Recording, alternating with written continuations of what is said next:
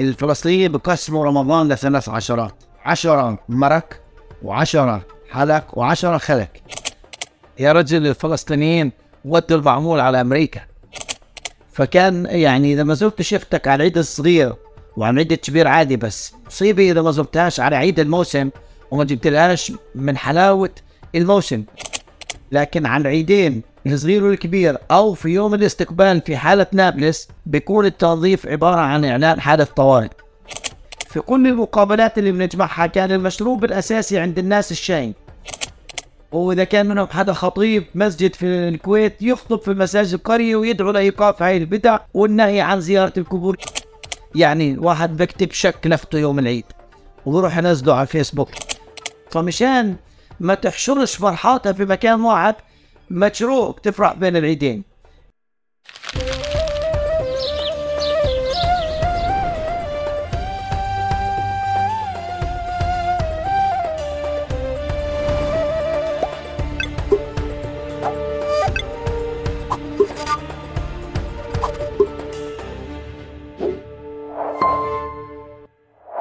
مرحبا واهلا وسهلا فيكم في حلقة جديدة من بودكاست تقارب. حلقتنا اليوم آخر حلقات شهر رمضان وحلقة العيد. فكل عام وأنتم بألف خير. قبل ما أدخل في الموضوع بحب أذكر وأنوه لأهمية المشار الاشتراك في القنوات سواء قناة يوتيوب أو منصات البودكاست اللي بتسمعوها منا. جربوا اشتركوا هسه عشان ما تنسوش لقدام. القصة الثانية آه، بسعدني جدا آه، آخذ مقترحاتكم واستفساراتكم واستقبل مقترحاتكم واستفساراتكم من خلال الحسابات كمان اللي موجودة بالوصف. و... وشكرا جزيلا لكم مقدما. حلقتنا اليوم بتناقش العيد بتناقش فرحة العيد في بلادنا واللي دايما بتكون الفرحة فيها منغوصة أو بثقافتنا بنقول بنسرق الفرحة سرقة. يمكن أعيادنا ويمكن فرحاتنا بنجري عليها كتير تغييرات وبنكسر فيها عادات وتقاليد وبنستحدث فيها كمان أشياء لا نسرق الفرحة أو نصنع الفرحة. لحد ما صار في عنا نفسية آآ آه، آآ آه، وطريقة تفكير وثقافة عايشينها واللي هي لما الواحد فينا بضحك كتير أو بنبسط كتير بقول الله يكفينا شر هالضحكة تعالوا اليوم نشوف شو صار معنا في الأعياد شو صار معنا بفرحة الأعياد كيف تغيرت أعيادنا وكيف تغيرت فرحتنا. مع مدو على مر على مدار مرور السنين مع صديقنا حمزة عقرباوي مرحبا يا حمزة. مرحبتين وتحياتي لك كل عام وانت وأهلنا والمستمعين جميعا بألف خير. ينعاد علينا وعليكم بالصحة والسلامة وإن شاء الله يعود رمضان القادم وبلادنا أفضل حال وإحنا وياكم جميعا بألف خير. مية أهلا وسهلا. حمزة أنا بالعادة ببلش بأسئلة شخصية قبل ما نخش بالمواضيع فأول إشي بترك الضيف يعرف نفسه كما يحب. مش زي ما مكتوب عنه في جوجل. طيب. فأكرم ضيوف تقارب. طيب حمزة أسامة العقرباوي فلاح. إيه، ونكت في قرية وفيها تعلمت الحياة ومنها تعلمت العلاقة مع الأرض وما يتصل بالأرض إيه، من مثل وحكاية ومعتقد. جبلت آه، من طينة البلاد وفيها يعني آه، يعني اكتسبت ما أنا عليه اليوم من علاقة مع التراث بحثا وكتابة وسردا آه، بشتغل جزء من عملي وحكواتي بحكي حكايات وبدرب على فن الحكي بدرب مجموعات من الشباب والصبايا الفلسطينيين وبقود مشاريع بحثية بتكون على جمع التراث والموروث من كبار السن والرواة في الضفة الغربية آه، قدت عشرات المبادرات البحثية مع آخرين ودربت باحثين. آه، بشتغل الفترة الحالية على تدريبات لها علاقة بتوظيف الموروث الموروث القصصي والشعبي في السياحة. كيف ممكن نحمل هاي الموروث المحكي؟ قصص الأكل قصص النباتات قصص الأشجار المغر عيون المية الأساطير الخرافات. هاي كل هذا الموروث الغني فلسطينيا كيف ممكن نحمله لعالم السياحة ونقدمه؟ لأنه إحنا يعني كفلسطينيين بنخوض معركة على جبهة الذاكرة والهوية فمهم ما نكونش أول من يصرف ويعلن استسلامه فهذا يعني شغلي في الفترة الأخيرة. هذا أنا حمزة العكربل حمزة هاي المقدمة نفسها بسمعها أنا في مقابلاتك وفي لقاءاتك هيك بتعرف حالك.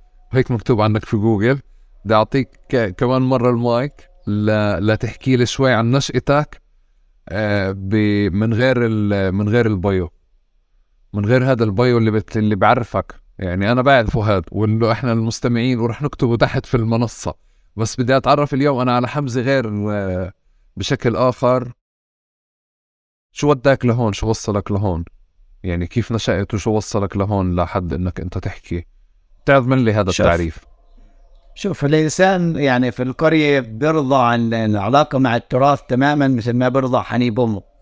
ال- الأمثال في الناس في القرى عبارة عن سلعة متبادلة. أي حدث أي موقف بيستحضر لك مثلا.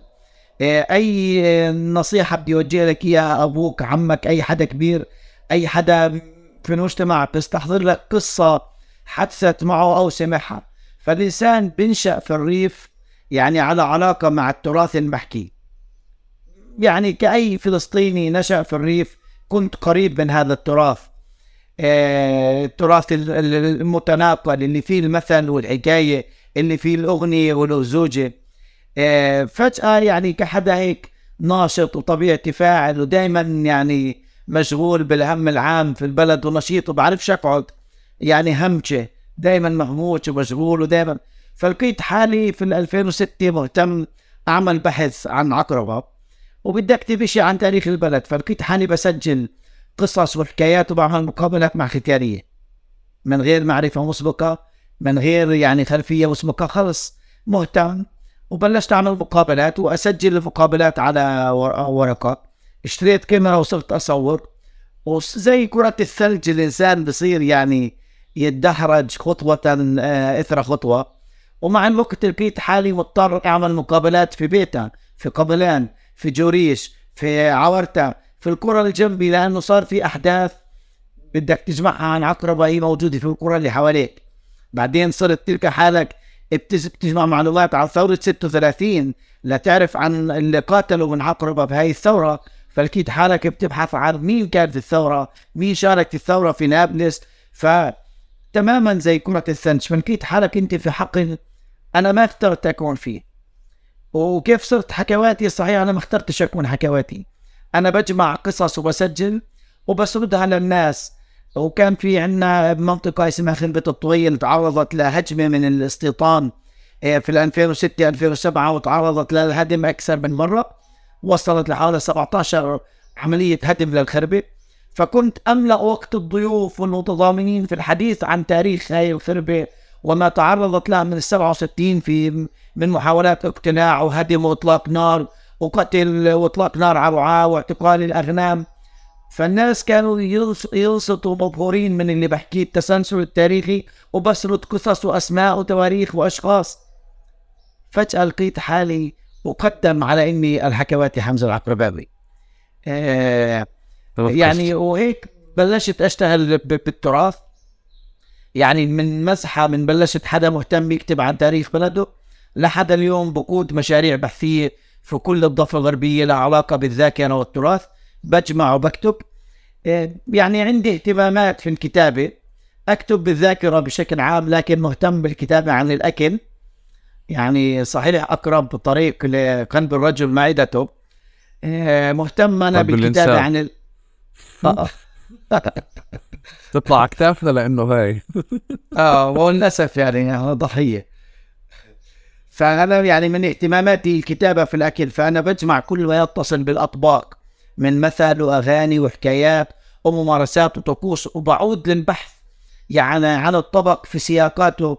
يعني لما كتبت عن المسخن اضطريت أرتحل في كل مدن شمال الضفة الغربية ووسطها وأنا أفتش عن تفاصيل المسخن.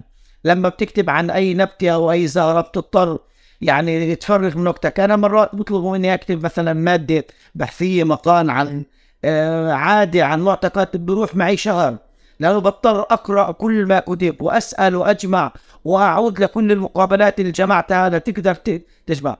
فهذا ال- ال- العلاقة مع التراث يعني نشأت مع معي من أنا طفل. يعني بعدين طورتها من خلال القراءة. يعني أنا في آه، بجوز يعني 15 سنة من عمري بنيت بعادة إني أقرأ كل يوم 50 صفحة. وكنت يعني آخر أسبوع اليوم ما- إذا مثلا يوم الأحد ما قرأتش 50 صفحة يتراكمن علي جمعة سبت فأضطر أعوض ال 50 صفحة اللي قراتهن كنت أحيانا أقرأ 200 صفحة في اليوم. آه، أحيانا كنت أعمل ملخصات للكتب اللي أقرأها.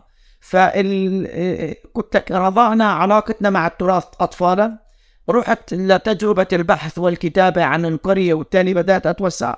نميت كل ذلك من خلال القراءة والمطالعة. يعني أنا أمتلك مكتبة أزعم أنها واحدة من أكبر المكتبات المتخصصة في التراث الفلسطيني والعربي. يعني جمعت كتبها من المغرب العربي إلى المشرق العربي وحملتها وحملي لي الأصدقاء الكتب. يعني من اليمن جيني من خلال الصليب الأحمر. من العراق من خلال صديق. من المغرب أنا يعني تركت كل ما لي من متاع في المغرب وعملت في الحقيبة فقط كتب. يعني فعندي مكتبة متخصصة في التراث تحديدا التراث الشعبي الفلسطيني وبشكل عام العربي. أوكي تمام. طيب آه آه آه بالجانب الثاني من من السؤال كيف بتحبش الناس يعرفوك؟ بس آه بس أعطيني أكثر خلينا نسمع أكثر اللهجة المحلية زي ما هي. أنا بحس الناس بترتاح أكثر مع لهجتها المحلية. فكمان آه آه، جرب قدر الإمكان أهرب من كل كل آه، أو أنا عم بكسر لك كل نمط أو كل تحضيراتك للمقابلات الإعلامية. فحتى بدي اللهجة العامية العامية زي كأنك قاعد وتهرف في البلد. كيف بتحب الناس يعرفوك يا حمزة؟ مرات بعمل هيك مداخلات أو في بعض الأمسيات.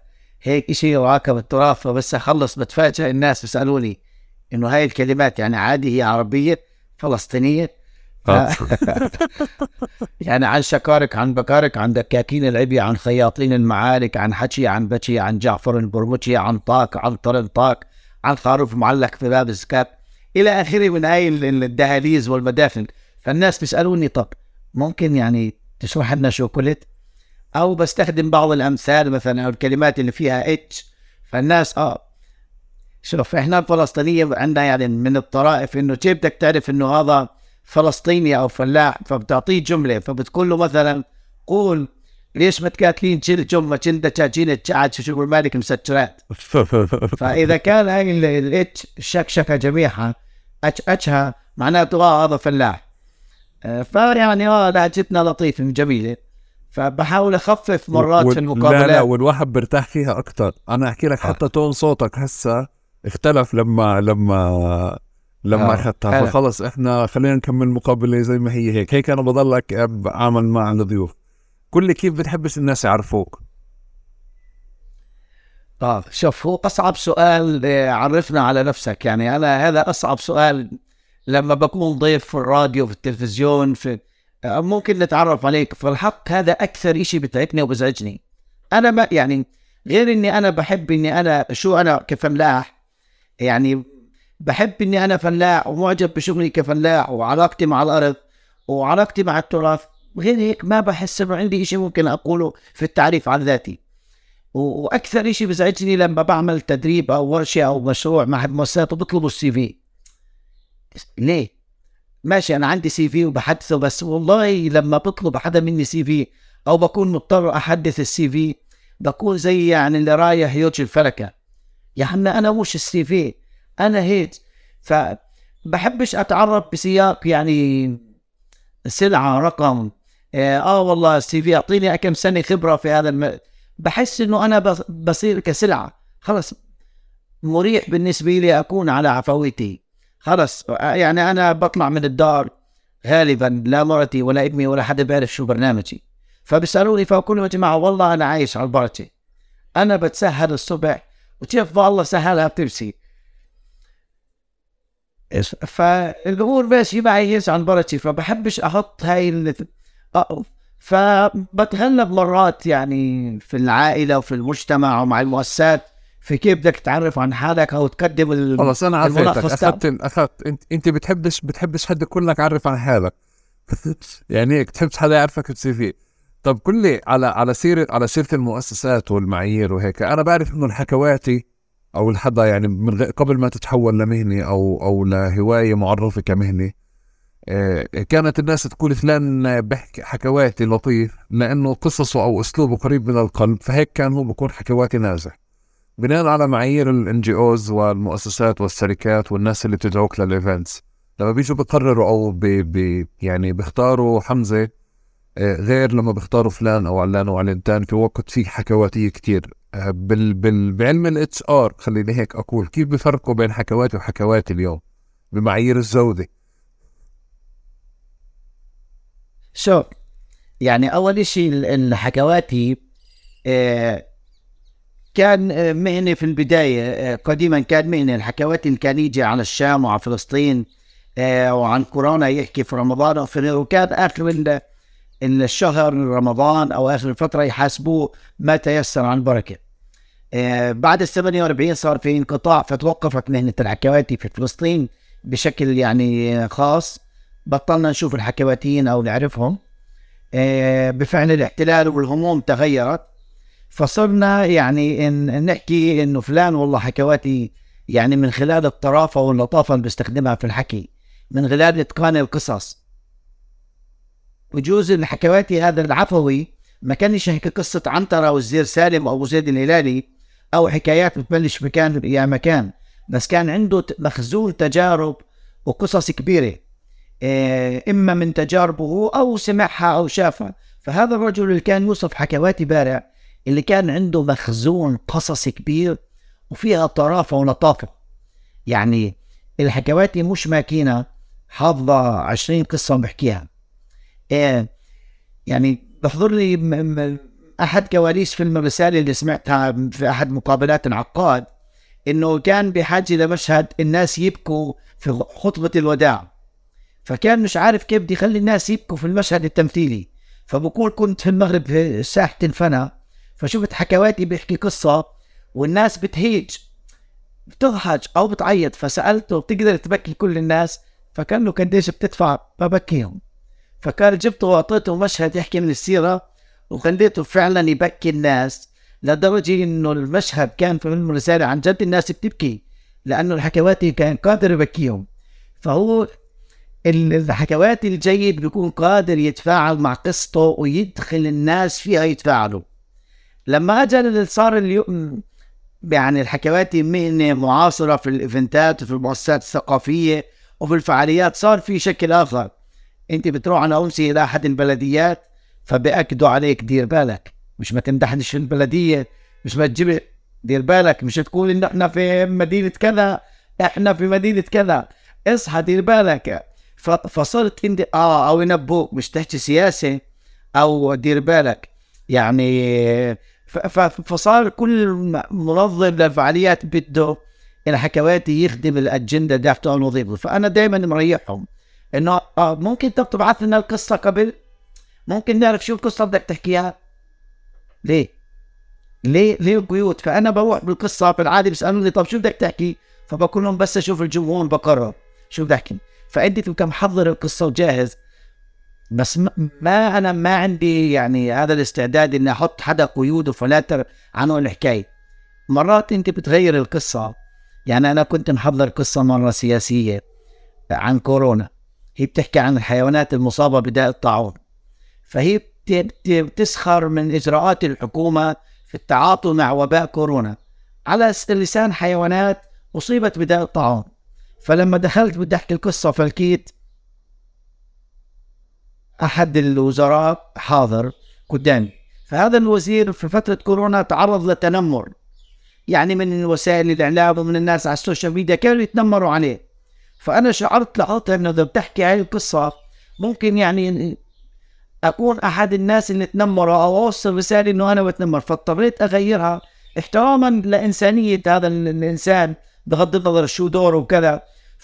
فمرات انت بتغير كيف بس كل حدا بتروح تنظم عنده فعالية بكون بيسالك الحكاية سياسي أو بعد الحكاية بيجي حدا بقول لك آه والله. يعني آه وصلت الرسالة. آه قصدك على الجمع. يا عم أنا بحكي قصص. أنا بقصدش إشي. بس بتصدف مرات صدفة بنت كلب القصة بتشبه حدث شخصية واقع سياسي واقع اجتماعي. صدفة لا أكثر ولا أقل. طيب. حمزة بحب أعرف كمان آه، أفكك سؤال مع ضيوفي بتعلق بالهوية وفلسطين والانتماء لفلسطين. ففي ذاكرة كل حدا فينا في قصة آه، اللي عملت له الوعي الفلسطيني أو عززت له هويته الفلسطينية سواء باتجاه حب فلسطين أو كره إسرائيل. يعني بهذا المنطق. آه، أنت شو قصتك أو شو الحدث الأول اللي بتوعى له اللي عمل لك هذا السؤال؟ أنا انولدت في ال 84 ونشأت طفولتي على بيت يعني مفجوع باستشهاد آه، عمي. عمي استشهد في لبنان كان مع الفدائيين. وطوال الفترة كانت العائلة مضطرة تنكر إنها لها ابن مع الفدائيين أو إنها بتعرف عنه. عمي طلع من القرية وعمره 16 سنة في ال 65 والتحق في العمل الفدائي ولم يعد للقرية. يعني أو كانوا مضطرين يبدوا يشوفوه بالسر وجدي اعتقل في يعني عند الاحتلال ولاحقا والدي وابن عمي. فأنا خلقت في بيت فيه شهيد ودائما الحديث عن هذا الشهيد وسيرته وقصصه وتجاربه وأولاده اللي في سوريا واللي ممنوع نصرهم وتفتحت عيني على الانتفاضة الأولى على والد عاد من الكويت ليشارك بالانتفاضة فاعتقل. آه وعائلة كانت يعني طوال الوقت حاضرة في السياق الوطني. فأنا ربيت في بيت يعني بدعم من الجد والدهان يعني بأبناء العم واعتقلوا عند الاحتلال. فطبيعي انشا يعني على علاقة مع ال- البعد الوطني. يعني طفولتي كانت يعني والدي كان معتقل في الانتفاضة الأولى وبتذكر كان في موسم موسم حصاد قمح. فيجوا المتطوعين شباب المسجد يحصدوا القمح للناس العائلات المسجونة. فأنا وأنا طفل أتفرج على هذول يجي يوم العيد ووالدك معتقل فيطرق الباب فتفتح الباب تلقى بوكيت حلو جاي من آه، الشباب التنظيم اللي أبوك محسوب عليهم مسجون جايبين حلو. فكل طفولتك تفتح عيونك على هاي الحالة الوطنية. بيتنا كان على طرف القرية. فأنا وأنا طفل بتذكر مشهد العملاء لما كانوا ينشطوا في هاي الفترة.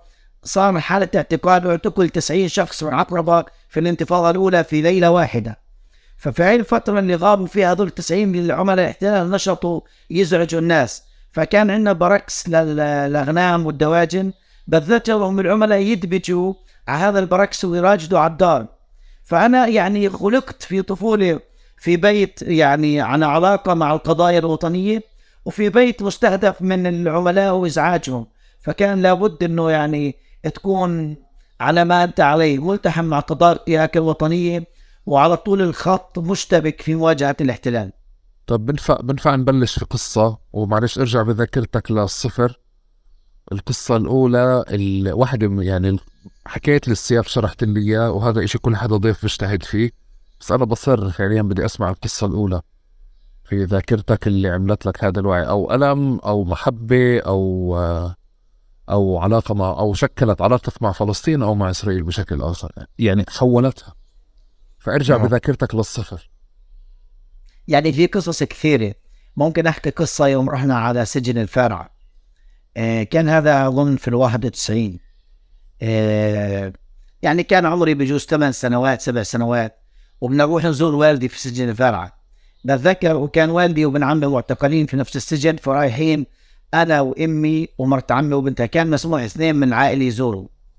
فبتذكر كنا باخذين آه، كأنه آه، طبخة ورق دوالي أو كسى معنا ورايحين نزور فوصلنا السجن فكان آه، المجلس أو أهل البلد طابعين خارطة فيها صور القرية في الواحد تسعين وكان إشي جديد وغريب إنه هيك في بوستر عليه آه، 10 12 صورة القرية فكنا ماخذينها معنا. فأنا حاملها بتهوس. طفل يعني ما بدرك تفاصيل الأمور بس يعني عن جد شاعر ما أخذ إشي معي لأبوي بدي أعطيه. فالجندي أخذها مني بعنف ووبخني وألقاها في الحاوية. فأنا طولت الوقت أعيط وبدي أخلط أنا جايب معي هدية لأبوي يا جماعة. فالجندي كان بصلافة ووقاحة المستعمر وأنا ببراءة الطفل المصر. فيوم الجندي دفعني فوقعت على الأرض وأخذ مني لوحة. إيه. فأنا كنت في صدمة. فطلعوا الأسرى كانوا في الفارعة في خيام ويجيبوهم على الزيارة. على شبك. فبيطلعوا الأسرى بطابور ورا بعض. فابن عمي طلع في فوج الزيارة الأولى فمنعوني أروح أنا وأمي نشوفه فأنت تقنع فعلا إنه يا عمي فممنوع فهذا كان مشهد ثاني في نفس الزيارة.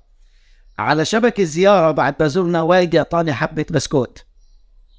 فانتهت الزيارة اضطرونا وظلت حبة البسكوت على الشوارع فلما أخذوا والدي مع الأسرى أنا أرجع بدي أجيب قطعة البسكوت على الش... الشبك اللي أعطاني يا أبوي فالجندي منعني فيومها يعني كان عندي وأنا لسه طفل كم من المشاعر الغاضبه إنه أنا ما قدرتش أخذ الهدية لأبوي اللي جايبها البوستر ولا قدرت أشوف ابن عمي. وحتى حبت البسكوت الشوكولاتة للولد اللي أبوه جاب له اياها بالسجن ما قدرتش أروحها معي. فكانت هذه واحدة من القصص اللي لليوم مطبوعة في رأسي كأنها يعني بتحدث بشكل مستمر أمامي. شكرا شكرا يا حمزة. طيب حمزة وين ترى أحلى عيد مر على الإخوة الفلسطينيين؟ يلا نعيد. شوف. لما بقولوا هسه الحكاية شو بقولوا بقولوا ما فيش أحلى عيد. عياد إجت وين أي سنين؟ آه. شوف. زمان العيد فرحة بلا شك والعيد يعني غير إنه شعيرة دينية هو طقس اجتماعي. آه، الأعياد بالنسبة لنا للأطفال كانت آه، يعني فرحتها نشتري هاي الألعاب الفرد أو الالعاب النارية نأخذ عيدية نشتري لبس بالنسبة للأطفال. وإحنا أطفال ما كنا يعني نستوعب علاقة الكبار مع العيد لأنه كان بالنسبة لنا العيد هو مقدار العيدية واللبس والألعاب اللي نشتريها. بس لما بلشنا نكبر ونوعى اكتشفنا إنه الفلسطينيين على الأقل من ما عرفوا الاحتلال ومآسيه الاعياد تغيرت عندهم. لما برجع للمقابلات مع كبار السن وبسأل عن الأعياد وبجمع من العيد اللي عاشوه أو اللي سمعوه بتحس إنه كان في طعم للاعياد مختلف سابقا. كان في رونق وفرحة عن جد العيد على بساطة الحياة وقلتها وانعدام مقومات يعني السعادة والرفاهية. ال- العيد كان زمان فرحته في ناس بيروحوا على الملاهي في ناس بيروحوا على السينما في ناس كانوا يروحوا على يافا. يروحوا على المدن تيجي المراجيح تنتصب يجي ال- الحكواتي تاع صندوق العجب آه، اللي من خلاله تشوف آه، قصص تقعد تتفرج. لكن مع الاحتلال ومآسيه صار العيد لازم نسرقه ولازم نخطفه. ولازم يعني العيد الفرحة بشكل عام صارت خطف سرقة. يعني فأنت آه، صار في بالك فرحة العيد مسكونة بالوجع والألم تاع الناس. آه، في المقابلات مثلا السنوات الأولى للنكبة الفلسطينيين لم يعرفوا العيد. آه، للأسف يعني. والعيد اقتصر على الشعائر الدينية صلاة ومعايدة. آه، ويعني بعض المظاهر البسيطة والأطفال كان لعبهم حزين في, تحديدا للفلسطينيين اللي اقتلعوا وهجروا كانوا في الخيام في السنتين الأولى. فبلش ال- العيد ياخذ بعد شوية في الألم وفي البعد الوطني. آه، لما صار في الأسرى والاعتقال صار العيد في توجع. وصرنا نسمع الإميات بغنين بدل يعني أغاني فرحة العيد. هلت ليالي العيد هلت واللي عندها حنة تحنت واللي لها غايب لفاها إلا آمنة محبوس ضناها. آمن السلامي ابنها أحمد أبو هدبة كان فدائي اعتقل في السبعين فصارت الأعياد بالنسبة لها تناويح تنوح آه، شهر جليل وعيد لافي ونوعيتش يا بنت خلافي فصرنا نسمع هذا البعد. الحسرة في القلوب. آه، صارت النكبة ثم النكسة واقتلع فلسطينيين كثار. فصار جزء من العائلة برا وجزء جوا وبطل في تواصل. فصار العيد في حسرة حسرة الفراق جزء من العائلة يعني في القرية أو في المدينة في الضفة الغربية وجزء منها في الشتات في الأردن أو في سوريا أو في الإمارات أو في المهجر فصار العيد في تذكر لانقسام العائلة. آه، فبلش بشكل العيد يأخذ هذا البعد المحمل بالألم الجاي من البعد الوطني. آه، صار في شهداء صار في مضايقات صار في منع تجول صار في إغلاق صار في ملاحقة صار الاحتلال يحد من حركة وتنقل الفلسطينيين لدرجة إنه واحدة من القصص يعني إنه في ب- ف- فلسطينية متزوجة يعني من قرية من شرق رام الله متجوزة في الولجة. ف يعني وبفعل سياسة الاحتلال في التضييق على الناس والحواجز أهلها يعني صاروا ما يقدروش يزوروها غير من العيد للعيد. فصدفت إنه راحوا يوم العيد يزوروها وأنا بقول يا عمي هذيك رحمة الله عليها توفت من شهرين. إيه شو بتقولوا؟ فتخيل قديش صار في انقطاع في فكرة العيد اللي فيه تواصل ان الفلسطينيين كانوا في مشاريق نابلس على مقربة من نهر الأردن العيد يحملهم على يافا عن بحر. إيه، كان يحملهم؟ لا يتنقلوا بأريحية. فالاحتلال غير من روح العيد وشكله.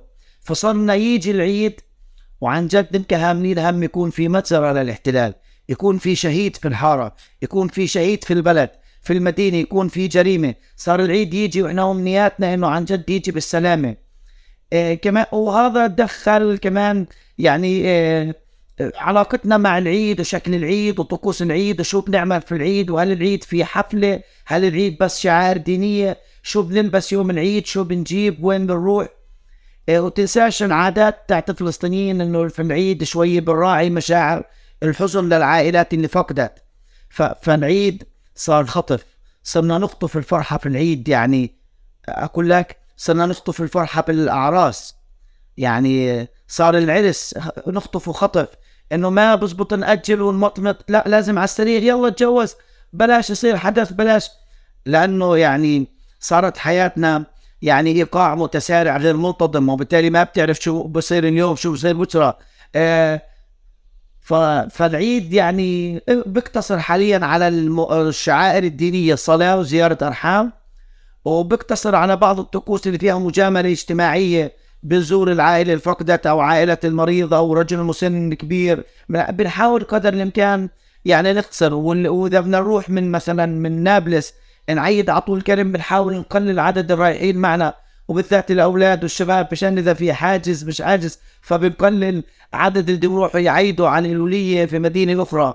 وإذا الوليه في الخليل فبنحاول نختصر ويكون عن كبار لأنه مش ناقصنا ينحجزوا حاجز فهذا العيد هاي الأيام في فلسطين.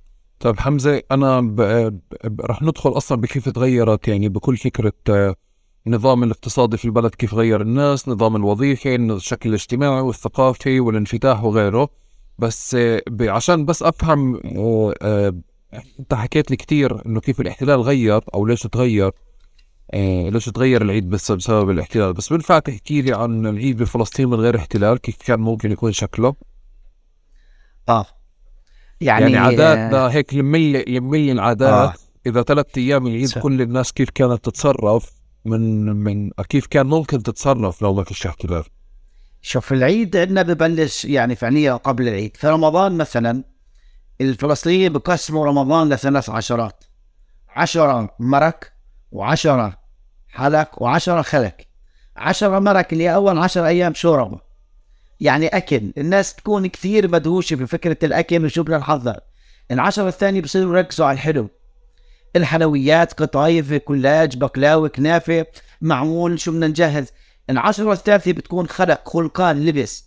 فالناس بصيروا يفكروا في العيد. وفي أغاني كثيرة لها علاقة بفرحة العيد. العيد روح على حيفا جاب الخرج مليانة. تخيل يعني بالنسبة للفلسطينيين حتى في أغانيهم إنه العيد عبارة عن حوائج ممتلئة. الخرج اللي هو اللي يوضع على الحصان أو على الدابة وبتكون فيه الأمتعة أو البضائع. فبالنسبة لهم العيد روح. يعني اجى على مدينة حيفا وبحسب كل مدينة متغني وجاب الخرج هذا ملان بالأمتعة والحلويات والهدايا. هذا العيد. العيد يعني بكرة العيد وبنعيد وبنذبح بكرة تسعيد. عندنا فرحة للعيد. عندنا آه، زينة ابتهاج لبس آه، حرص على شراء المعمول. يوم العيد صبيحة العيد السيدات السيدات كانوا عوايدهم. يكنسوا باب الدور يشطفوها بملح ويرشوا شوية شعير على باب الدور مشان قال الشياطين مثلا في رمضان مربوطة بتفلت يوم العيد الصبح مشان تزحلق ما تفتش على الدور. فبرشوا في ملح مشان العين. إيه والناس بيبتهجوا في لبسهم بتزينوا بيحرصوا يكون في أجمل آه ثيابهم. السيدات كن يبيضن الطناجر يجهزنها يجهزوا الحلويات. تدخل على البيوت كأنها يعني في وصف كأنها يعني آه الجوهره اللامعة. كل بيوت بتضوي الشوارع نظيفة البلد مرتبة. بتحس بالفرحة. الناس بتعايد بعض بتجامل. الضحكة من الذان مزان. يعني قد ما هي الناس شعر بالفرحة. وحتى وإن كان في حدث يعني اجتماعي وفاة كذا كانت في سياق طبيعي. ويوم العيد كانوا الناس يخرجوا يعني كأنه كرنفال. يصلوا العيد يسلموا على بعض في الجامع يمشوا في كرنفال جماعي. يمشوا من المسجد على المقابر يزوروا يترحموا على أمواتهم يقرأوا الفاتحة. وعلى أسوار المقابر أو مداخلها يكون في المعمول البقلاوة الكلاج الحلويات. اللي السيدات صنعنها ثواب ويعني وأجر آه، وسبيل على الروح من توفى من أقاربهم خلال هذا العام. فيتحلوا الناس في المقابر ياكلوا وأنا بتذكر وأنا طفل يعني لحقت يعني بقايا هاي العادات يكون في كلاج ومعمول فتخيل أنت زمان كان هذا مظهر أساسي. فيتحلوا الناس وتكون المقابر يعني في المدن مزينة بالعسف النخيل والقصيب. يبيعوا على بداخل القبور المقابر. قبل العيد بخمسة أيام هذا السعف النخيل أو القصيب يجيبوه من الاغوار ويبيعوه في المدن فالناس يزينوا القبور ويحطوا مشان كل ما تحركت إنه يطول ثواب للميت. فكان حتى ما يتصل بالموت يوم العيد في فرحة وفي ابتهاج. إيه الحلويات إيه يقدم لك الشاي فبزبطش ما تشربش لأنه إذا ما شربتش غالك ردي. يوصوك الصبح دير بالك من بغلة العيد لا تنفصك إنه ما تخربشش في الاكل بلاش تنطرح وبالتالي رفصتك بغلة العيد. فكان العيد فرحة. يعني وما فرحة إلا فرحة العيد زي ما بقولوا في المثل. فكان العيد باجي وفرحة وفي مظاهر مجتمعية. هذا قبل ما يعني يتحول مجتمعنا لسكنة عسكرية يعني بفعل الاحتلال والحواجز. طيب. تعال نبلش بالعيد إحنا من نقسمه لمراحل عندنا ثلاث أيام نقسمه بالحلقة لثلاث مراحل وننهي بالأكل. تمام؟ آه. بطوش أنا وياك على الأكل عشان نفهم اللي باكلوا فسيخ شو قصتهم معنا. تمام؟ أنت جماعة ما عليك ولا فسيخ؟ بس جاوبني. آه أو لا والله إحنا إحنا خبز طابون ما إحنا. آه فما ي- تيسر يعني يعني معنا. عيد الفطر عيد الفطر ما تيسر مع خبز الطابون زيت زعتر لبنة حواضر البيت. فعيد الأضحى معانيك. ما هو عيد الأضحى فيش فيه طيب. فسيخ. هسه هسه بنرجع لها بالآخر نتطوش عليها بس تعال نبلش آه. من الأول مظاهر العيد بتبلش بكعك العيد واللبس العيد صح؟ آه. صحيح لما لما الستات بأخذوا الأولاد على على المحلات بيشتروا العيد على المدينة بكى بالعادة زمان ما كانش فيه في القرى محلات فكان الشراء مرتبط بالمدينة في المدن القدس نابلس آه، حيفا يافا المدن فكانت كل القرى تشتري لبسها من المدن تقطع الثوب عند الخياط يعني بقيس المقاس عليه بفصل أو بيشتروا جاهز السيدات وكذا فكان يعني أهم مظاهر العيد هو اللبس. يعني وليس جديدا الرجال كان آخر من يهتم بشراء لبس العيد كان لبس العيد بدرجة أولى يعني مرتبط بالنساء والأطفال كان ولا يزال والله اعلم سيبقى. الله يصلحهم طيب وبعدين بعدين الستات بيرجعوا على بيوتهم بيطلعوا بدري على على المدينة بيشتروا الأوائل العيد للأولاد بيرجعوا ببلشوا بكعك العيد يعني كعك العيد أو في قصة. المعمول المعمول آه كعك. العيد أو المعمول ببلش قبل بأسبوع من حسب آه ال- قديش عدد الدوزور يعني إذا الست لها قرايبها شطار بدهم يجوا شطار وقرايب جوزها والبيجوا على الدار إذا هي متزوجة في بيت يعني أحد وجهاء العيلة أو كبارهم كمان بيجوا العائلة كلها عندهم وكثير بيجوا بزوروهم فمقدار المعمول والكعك بده يتناسب مع عدد الزوار فبكل العائلة النساء بيهتموا بلشوا قبل بأسبوع. إذا البيت يعني عدد زواره 10 15 يعني بتقدر الست قبل بيومين تخبز الكعك أو المعمول وتجهزه. أو البرازك زي بعض المدن بيعملوا البرازك والحلويات. فكل سيدات العائلة بيكون مهمتهم يجهزوا هذا المعمول آه، أو الكعك. زمان ما كان في وفرة في الحلويات تروح على أي سوبر ماركت أو تروح على محل مكسرات وتجيب. فكانت الضيافة بتر- بتعتمد على شغل السيدات. فكان لازم يعملوا المعمول أو الكعك في البيت ويخبزوا اللي ما عندها طابون أو ما عندهم فرن في في المدينة فرن بدهم يخبزوا في فرن. وبالتالي بيكون اكتظاظ على الأفران. فلازم نخبز بدري مشان ما ننزنكش وما يلحقش الفرن ويوم العيد نقعد مشان الله يعني ركع.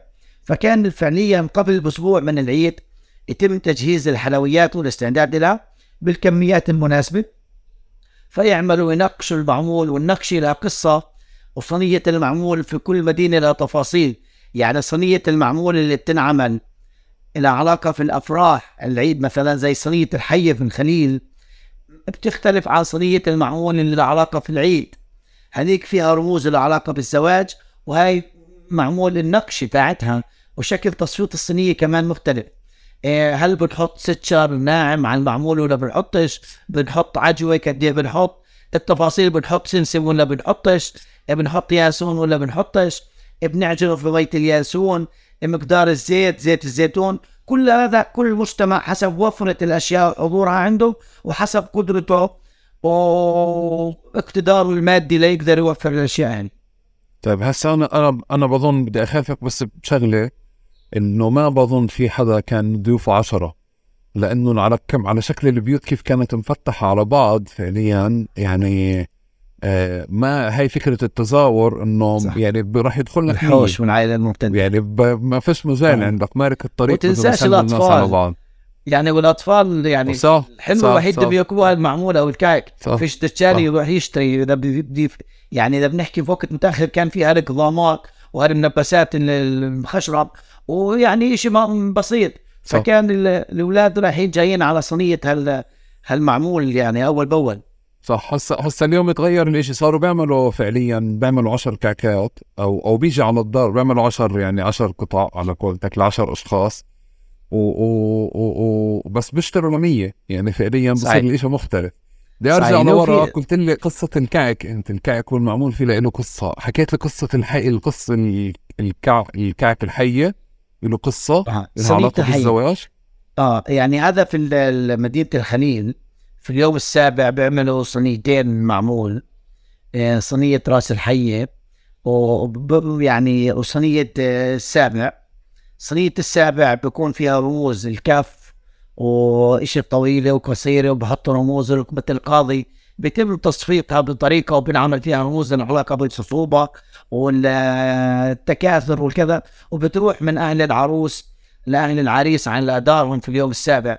ملفوفة بقماش وملفوفة ب بورد وكذا. وهذه قصة طويلة وصينية بيكون فيها معمول معمول مصفط ومعمول لوحده منهن على شكل راس حية. فهذه مرتبطة بالفرح والزواج وهي جزء من يعني من عادات متوارثة لها علاقة بالخصوبة. فهذا معمول اليوم السابع صينية اليوم السابع أو صينية السابع آه، في الفرح وتحديدا في مدينة الخليل وهي مختلفة عن المعمول ونقشاته.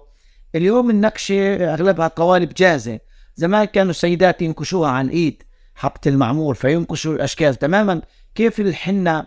نقشة الحنة على الايد كيف التطريز تاع الثوب اللي بنعمله. كمان الحلويات التشعج آه على اختلاف أنواعه وسمياته. كان له نقشة وشكل وهذه النقشة كمان سواء سبلة أو وردة أو الأشكال كلها هي جزء من بيئة الست. يعني نقشة الثوب نقشة الحنة نقشة المعمول نقشة الكعك اللي بتعمله. النقشة اللي بتحطها هي جزء من ثقافتها ومحيطها. إيش في رموز وأشياء بتعرف حواليها فبتعمل هاي النقشة. فحبة المعمول هي كمان جزء من ثقافة. عمرها مئات السنين بتعكس ثقافة المجتمع. فأنت مرات بتوحر عن النقشة تاعتها فبتصير هل هي وردة هل هي سبنة هل هي إيه بس اليوم القوالب الجاهزة ريحت الستات من الغلبة تتنقش المعمول في الإبرة أو في العود وتتنقش فيها لأنه بأخذ وقت وجهد. وبتعرف شغلة كمان شغلة هلا بتذكرها إنه ما في بيت بيعمل بيخلص كعك العيد من عنده لازم يضل فعليا لبعدين.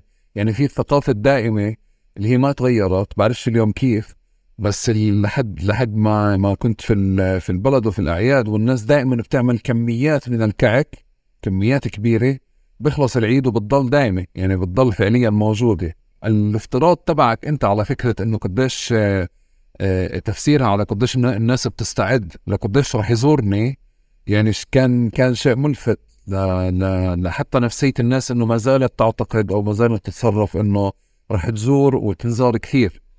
بس يا رجل شكل- الفلسطينيين ودوا المعمول على أمريكا. يعني كثير مقابلات مع ستات. يعني وإحنا نسمع عن المعمول العيد تفاصيل العيد بيحكوا إنه كانوا يودوا لابنائهم المغتربين في أمريكا وفي الخليج في الأردن وهون هون واللي بدرسوا مثلا في أوروبا أو في مصر أو في الوطن العربي كانوا يودوا لهم مع الطرود معمول. يعني إحنا مش بس زمينا الزيت والزيتون والزعتر لكل أنحاء العالم. تخيل المعمول يعني أنا لي ابن عم طبيب في أمريكا دكتور في أمريكا دكتور جامعي. إيه، زوجة عمي لليوم بتودي له طرود فيها معمول على أمريكا لأنه يعني ريحة البلاد وكذا. فإحنا الفلسطينيين يعني مش بس بنحسب حساب حالنا كمان حساب قرايبنا. واللي بتحسب حساب بنتها المتجوزة في البلد الثانية وابنها بده يجي يزورها وصاحبتها. فإحنا ما بنعملش المعمول لحالنا. كل واحدة بتعمل المعمول لها ولا الحارة. وفلانة حرامي كبيرة وبدي أروح أزور فلانة باخذ لها معمول. فإحنا بنعمل المعمول مشان كل الحارة تاكل فأنت يعني ممكن ست تعمل معمول توزع على الحارة. طيب. طيب ما تقوليش إنك ما ودتش ولا مرة على تركيا يعني معمول. لا لا ودوا ودوا ودوا اسمع أنا بتذكر إنه ليه بحكي لك هيك؟ قاعد بضحك لما كنت في الجامعة كانوا يودوا لي كميات. أضل يخلص يعني يخلص العيد ويخلص كل شيء بعدين. وأضل أوكل. يعني أضل اوكل ما خلصش فاهم؟ وإذا أنت نازل إجازة العيد تنزل إجازة العيد وبتروح معك كيك وبضل فعليا يعني بضل قاعد معك فترات طويلة وأنت قاعد بت... بتأكل فيه. بتحفر يعني بتحفر فيه بجوز ولا بتطحن فيه هيك حتى مش يعني مش آه، أكل كاسم طيب كل حمزه إيه، اذا إذا بدي أدخل كمان على حملة التنظيفات الكبيرة اللي في الدور اللي هي استعدادا بالزوار صح؟ شوف يعني مثلا أنا بدي اخذك على نابلس. في نابلس آه، مثلا في أيام يعني آه، السيدات بيكون حملة التنظيف عندها يعني فوق العادة. يوم آه، الاعياد والاستقبال يوم الاستقبال. يوم الاستقبال السيدات في نابلس كل سيدة لها يوم. بيجا سيدات البلد بزورنا فيه.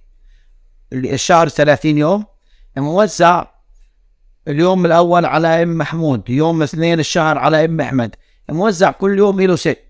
فأيام الاستقبال هذا بيكون الست بت بت مش بس بتحل الشبابيك. كل شيء في البيت بتعيد ترتيبه وتنظيفه لأنه هذا أعظم يوم بالنسبة للست. بشكل عام في نابلس وفي كل فلسطين أيام العياد ما بزبط يجي العيد وأنت مش مجهز البيت. نافض الفراش وشاطف البيت وغاسل ومرتب. زمان البيوت كانت أبسط.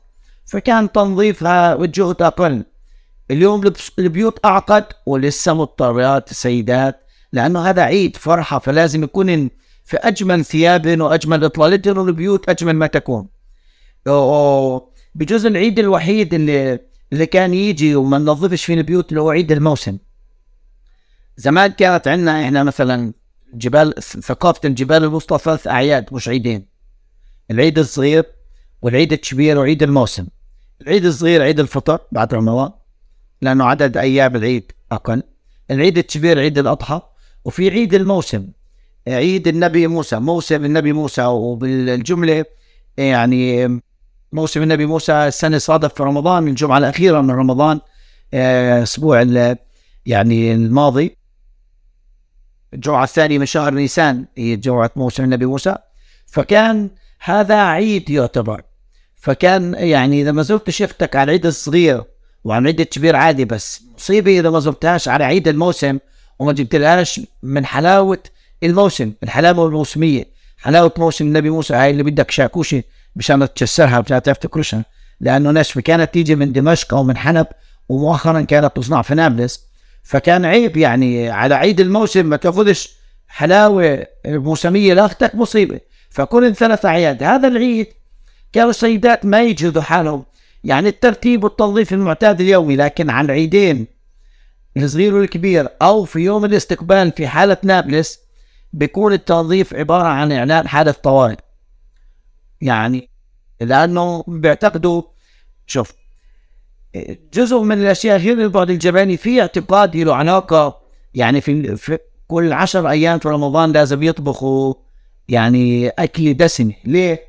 لأنه الاعتقاد الشعبي بيقول في ملك اسمه عساس البدور بيجي بطول بيفتح القدر وبطول شو طابخه المي فبقول بدعي دايمة. إذا طابخه عدس بتلزق فيه مداوم بصير العدس دايم في الدار.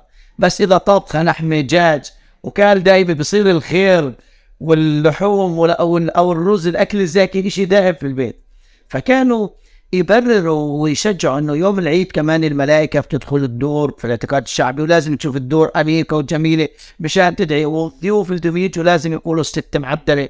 وإذا عندها بنات بتزوجهن. مهم اللي يزور الدار يقول والله عدلي ونظايفيه وك... ف ففي أكثر من بعد له علاقه بتنظيف البيوت وترتيبها وتجهيزها والأواني. فيعني العيد حالة استنفار في البيت. ويلك تجهيز الضيافه ويلك ترتيب البيت ويلك اللبس. طيب لحد هسه ضايل إشي أنا بذكر في إشي بذكر انحكى بس أنا ما ما بوعى له اللي هو قضية تحميص القهوة وتجهيز القهوة ما برضه هذه كانت تصير قبل الأعياد. أنا هذه ما بوعى لها ما شفتها بس قيل عنها. آه في إشي زي هيك أنت سمعت عنه؟ آه شوف آه قبل لما قبل ما كانت القهوة تيجي جاهزة ونجيبها من المحلات التجارية آه كانت القهوة تنعمل في البيت تتحمص وال- في ال- وتندق في الجرن اللي هو العزام في في القرى أو عند في المضارب البدوية كان بيت الشيخ اللي يدق فيه الجرن الان ليه؟ لأنه اسمه العزام بيعزم الضيف فكان بعض المشايخ آه، يطلبوا إنه ما حدا يدق آه، على الجرن إلا عنده لأنه هو بيعزم الضيف. وكانت القهوة تندق مرتين صباحا وعصرا. فيندق العزام مشان يعزم على أي حدا مارك أو قريب إنه هي في بيت بعد قهوة. آه، بعدين صار ال- ال- القهوة تندق في البيوت كل حدا يحمص القهوة عين محماسه محماسه القهوة على النار ويدقها عنده في الجرن أو في في نحوش العائلة الممتد يكون في محماسة وجرن يدقوا فيه جهاز القهوة. و- كان المشروب الأساسي الشاي مش القهوة. آه، في كل المقابلات اللي بنجمعها كان المشروب الأساسي عند الناس الشاي وكان الفلكلور الأغنى متصل بالشاي مش بالقهوة. لكن مع ال- العشرينات القرن الماضي وما بعد بدأ في تحول الشاي فترة من فترات كان بتقدم. حتى يعني إحنا مثلا لما بنحكي عن البدو بفطرنا إنه القهوه هي مشروبهم الأساسي. في مجموعة كبيرة من المقابلات اللي عملتها مع البدو بيحكوا إنه الشاي كان المشروب الأساسي في فلسطين قبل ما تحل القهوة كمشروب أساسي. ف... فبدأت القهوة تتحول لمشروب أساسي فصار لازم نحمصها بعدين طلعت الماكينة اليدوية صاروا المقتدرين يشتروها يحطوها في البيت يطحنوا القهوة عليها يعملوا فيها. فمن ما صارت القهوة هي المشروب الأساسي ب- صرنا نفكر كيف بدنا نوفر القهوة. بعدين الماكينه الأساسية هاي صارت في أغلب البيوت بعدين صرنا لازم نجيبها من المدينة بعدين صارت تحضر القرية. اليوم يعني القهوة يعني مشروب آه، حاضر في كل البيوت طوال الوقت. كانت يعني مرتبطة بالضيف. وتتصنف الفناجين وانت بدك تضيف وكنت تحط قهوة الأول للضيف الثاني للكيف الثالث للهيف والرابع للسيف. وإنه بتحط فيها رشفه صغيره ولازم يهز الفنجان. فكان في تفاصيل وبت- بتصب في إيدك الشمال وبتضيف في إيدك اليمين. هذا الثقافة كلها المرتبطه بالضيافة. وإذا ما شربت الشاي حالك ردي.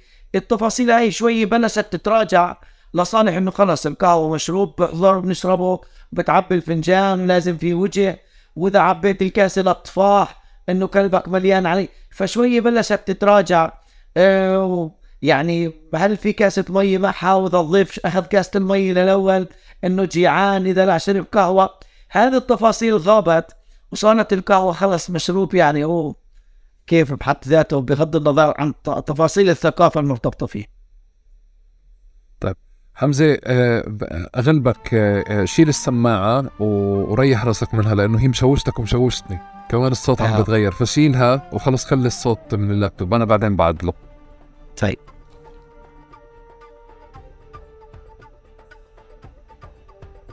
استنى وأنا تيجي أريح هيك صح؟ آه يعني مش دي يا أحمد. ما هو اسمع يعني اللي مالوش على البخور بحرك عينه طيب خليني خليني أسألك أكمل وأسألك على صلاة العيد اللي آه آه يعني. أنا بالنسبة لي يعني من أجمل آه، من أجمل اللحظات آه، لأنه بصير فيها زي منها ببلش العيد. آه، وين مش أحمد تعيد. سامعني هسه؟ أيوه حقك علينا يا أحمد. لا بسيط يعني أنا ما. تجي بتشيلها. خل... خليني خليني أسألك على خليني أسألك على صلاة العيد هلا.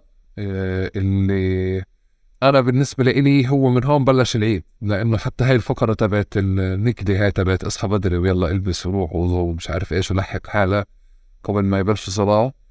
نكده هاي آه، هاي صعبه بنروح على الجامع. الناس كلها بتلتقي. يعني أنا بحضرت عيدين عيد في قفين اللي هو الناس بتلتقي في جامعين فكل البلد بتلتقي مع بعضها وبتسلم على بعضها. وكيف بتخلص صلاة العيد الواحد بسلم على أبوه بعيد عليه بشكل مباشر. فصلاة العيد سابقا كانت في مناطق مفتوحة في أراضي مفتوحة ولا كانت في جوامع؟ شوف يعني صلاة العيد كانت زمان تبلش فعليا في الليلة اللي بتسبق العيد. من التكبيرات تاعت العيد. لما بيرعوا الأطفال للمسجد يكبروا مع الشيخ وبتصير هذه الفرحة تاعت التكبير والكل بده يروح ويكبر ويشارك في التكبير. من لحظة إعلان دخول العيد يعني من بعد المغرب مثلا في رمضان آخر يوم يعني بس الشيخ يكبر أول مرة كل الأطفال في الحارة على المسجد مشان يشاركوا في التكبيرات. وهذا مش شيء جديد هذا شيء يعني قديم. الآن تكبيرات العيد بتبلش في, في يعني في المساجد في وقت مبكر من فجر العيد قبل موعد صلاة الفجر. وببلشوا الكبار في السن يتوافدوا على المسجد يعني بكامل ثيابهم وعناقتهم وكذا. الأطفال والأصغر سنا بيصيروا يفدوا تباعا للمسجد. إشي بيكون في المسجد؟ إذا كان المسجد هو مسجد جامع للبلد كبير بتسع البلد وإذا كانت مساجد صغيرة في أغلب القرى الفلسطينية سابقا كان المسجد اللي هي المساجد اللي بأغلبها بسموها مساجد عمرية أو هي مملوكية بشكل عام بتكون مساجد صغيرة فما بتتسع كل أهل البلد لصلاة العيد. فبكون إما في ساحة المسجد الصلاة أو في ساحة على طرف البلد أو إذا الجو مناسب بكون خارج البلد. بس غالبا بكون في ساحة أمام المسجد بصلوا الناس الكبار بكونوا في المسجد والصغار والشباب بكونوا في هاي الساعة. فبتبلش الصلاة من التكبيرات والمشاركة بشكل جماعي في هاي التكبيرات. إيه من المشاهد المألوفة مثلا في الانتفاضة الأولى إنه تلك ملثمين على باب المسجد حاملين سماعة وبتلوا بيان يوم العيد أو بوزعوا بيان. إيه بيحكوا عن الأسرى أو عن الشهداء أو عن سياق وطني. وهذا يعني زمان ما كان موجود لأنه ما كانش في بس مثلا في الانتفاضة الأولى كان مشهد وجود الملثمين صبيحة العيد على باب المسجد. بتلوا بيان بيحكي عن الأسرى وعوائل الأسرى وبهنف العيد هذا كان مألوف. قبل ما يكون في سماعات الأذان الموحد فيكون السماعة اليدوية. فهذا كان مشهد مألوف صبيحة العيد تشوف الملثمين أمام المسجد. آه الناس بالشيخ بالعادة وأهل البلد بعد صلاة العيد اللي هي بتكون فيها حث على التواصل وصلة الأرحام ونسي الخلافات وكذا. بعد الصلاة بيسلموا على بعض جميعهم. وبتشوف الولد بقبل إيد أبوه أو بقبل رأس أبوه. بتشوف هذا بيعطف هذا هذا ب... يعني بمشهد مألوف جميل. والعيد ببلش يعني زمان في ال... في أشبه بكرنفال كما قلت سابقا اللي هم بيمشوا كل أهل البلد مع بعض بزوروا المقابر. يعني واذكروا في. في يوم العيد الامجاد وامشوا للمقابر زوروا آه عطوا فؤاد. فأشجارنا بيحكوا عن أهمية يعني زيارة المقابر في يوم العيد وبيعبروا عن هذا جزء من طقوس العيد. فبيمشوا بهذا الكرنفال بشكل جماعي القرى اللي بتتكون من حمائل أو عشائر وكل حمولة لها مقبرة كانوا يفروا مع بعض جميع البلد من مقبرة على مقبرة.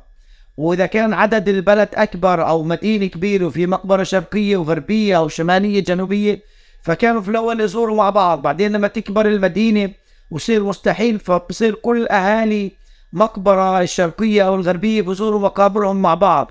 فببلش العيد من هون.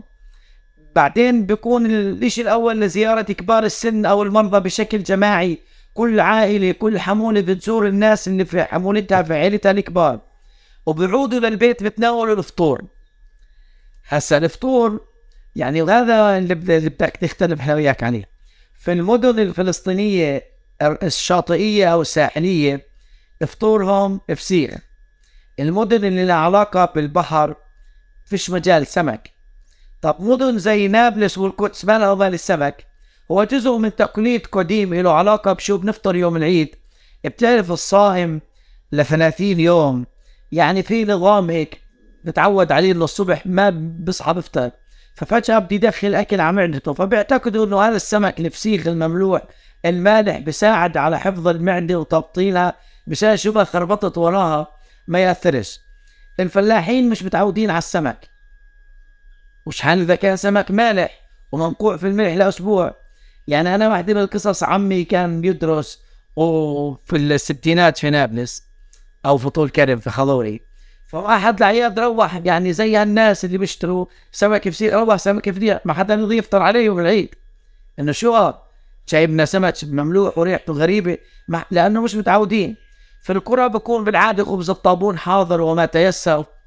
جبنة بلدية زيت زعتر حواضر البيت. إلا إذا كان عيد الأضحى اللي بيكون فيه ذبائح فبكون المعلاق آه في بعض القرى بكون نكبب اكبب اللحمة بيعملوا في قرى غرب رام الله بسموه عيد الكباب. آه بيعملوها باللحمة يعني على شكل كرات صغيرة وبيخبزوها في الفرن أو في الطابون. فبيسموا العيد عيد الكباب العيد الكبير عيد الكباب لأنه بيعملوا يوم العيد هاي الكباب فطور. الرمل اللد يافا نابلس القدس كثير مدن فلسطينية بتفطر على الفسيخ يوم العيد. وبعدها بتنطلق جولة الأرحام والولاية.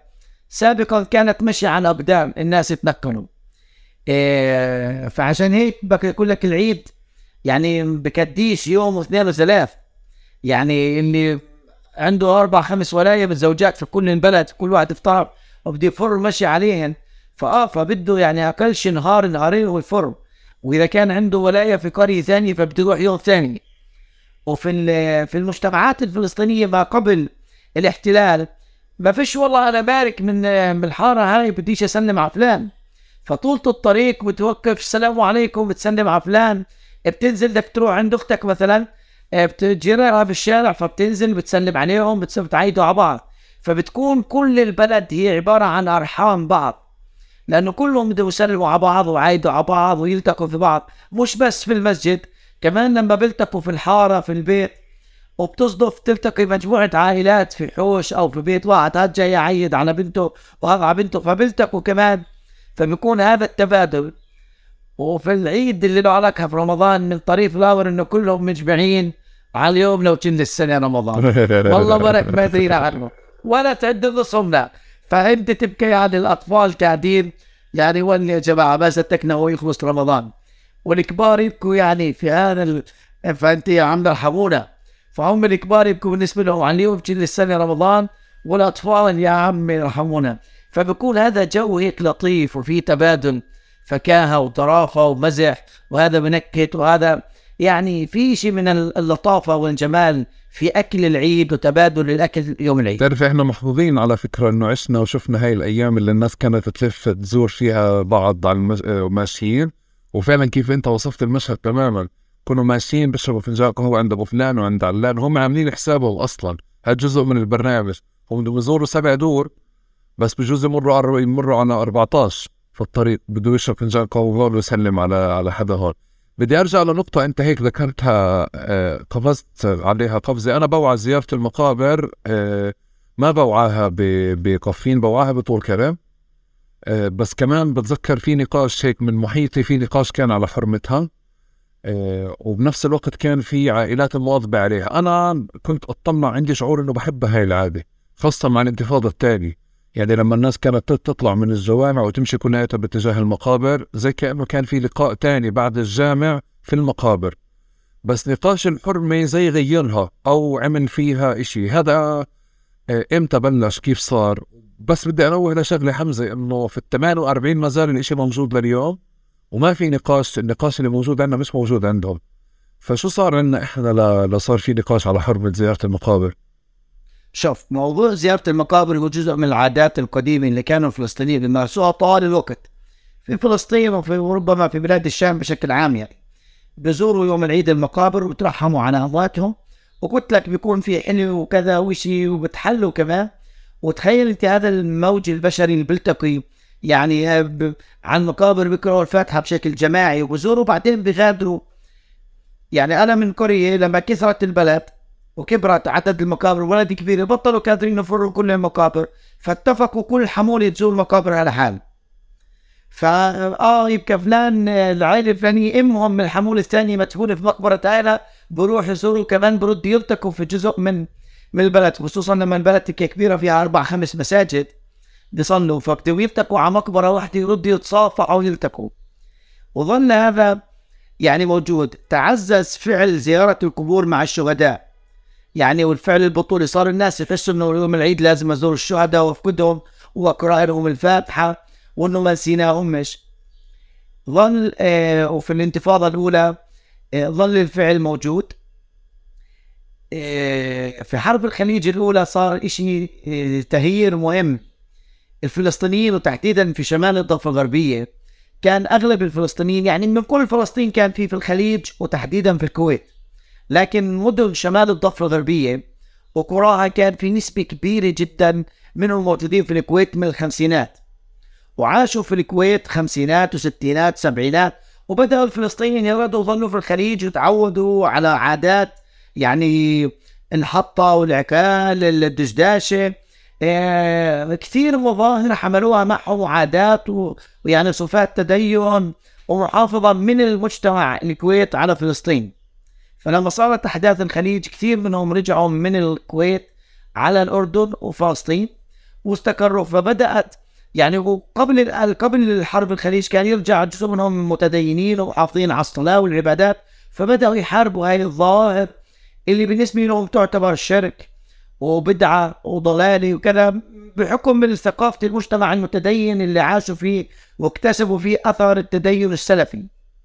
فطوال التسعينات أو نهاية الثمانينات كل ما يجي زائر من هذول المتدينين يدعو يعني وإذا كان منهم حدا خطيب مسجد في الكويت يخطب في مساجد القرية ويدعو لإيقاف هاي البدع والنهي عن زيارة القبور يوم العيد وهذا يوم فرحة وبصيرش نستحضر الموت والحزن.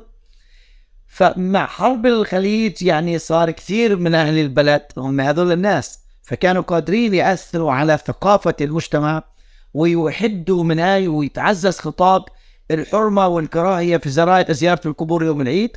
وفعليا يعني في أغلب البلدات والمدن والقرى الفلسطينية صارت الظاهره الظاهرة قليلة ويعني وقليل ما كان من يروح على المقبره يوم العيد.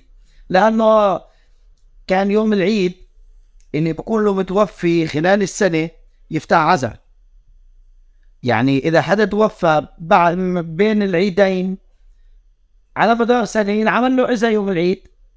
يعني الناس تيجي تعايد عليه قبل ما يعملوا جولة العيد. فأولاد الحمولي والبلد وأصحابه وأنسبائه وجماعته وقرايبه بيجوا عند أهل هذا المتوفي بيسلموا عليه وبيعايدوا عليه. وكأنهم بأخذوا يعني إذن. كأنه بأخذوا الإذن نروح نفرح. وهو بيروح يفرح بيروح يعيد وبروح عادي. بس كأنه هذا الطقس يعني بنذكر الميت العزيز علينا ابننا اللي توفى.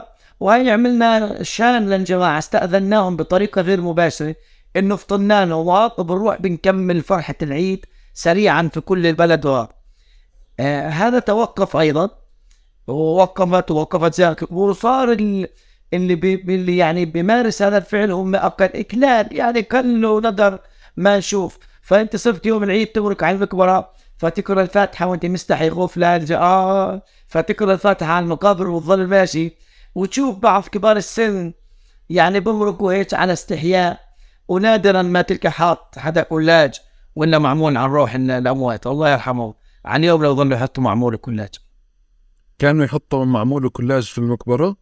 آه على يعني أنا أنا لاحقت هاي العادة يعني بقاياها. وهي عاده كانت في كل فلسطين كان عصور المقبرة أو ما دخلها يكون يوم العيد معمول أو كلاج ينعمل خصيصا أو كعك أو حلويات أو بقلاوي ينعمل خصيصا عن روح المتوفي. فانت توجل الله يرحمه.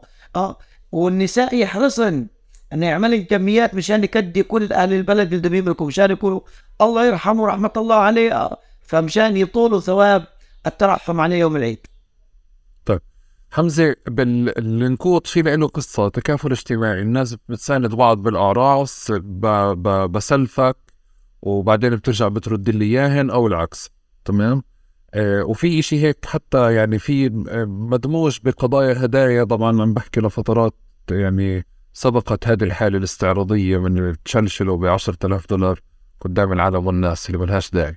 بحكي على فترة كان فعلا فيها الواحد آه الأعراس اللي في البلد الناس تروح وتشارك فيها وزي كأنه في مينيموم حد أدنى للنقوط اللي هو لازم أنت تروح وتنقط ودائما بتكون مسلف وبتبعت واحد من أولادك بيعملها. نفس المشهد هذا موجود بالعيديات وهو التفكير فيه بتفكير بمنطق عبء. آه، في كمان هيك صفطة عشرينات صفطة خمسينات صفطة ميات بذهن فين هذاك اليوم.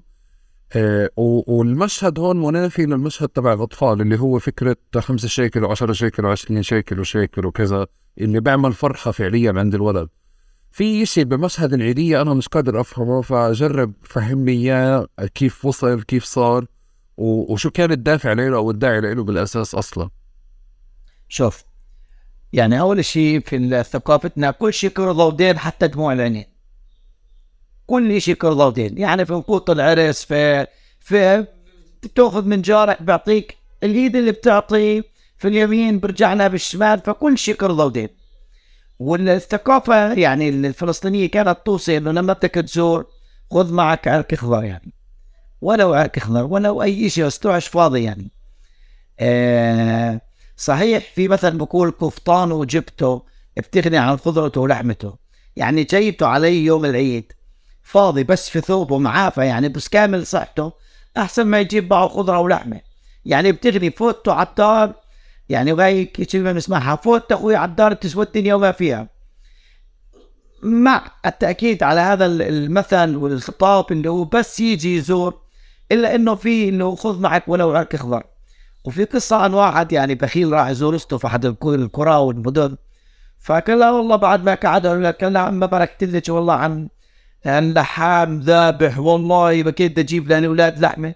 فلا يا أخوي تغلبش قال لها لا هلا أولاد يغلبوا والله شفت لك أبو فلان أبو الحلو عامل جنافات اشي بشاي والله جيت أجيب لأولاد 2 كيلو. آه، لا يا أخوي فيش داعي. آه، خلي الأولاد يضربوا. طبعا هو اجى فاضي.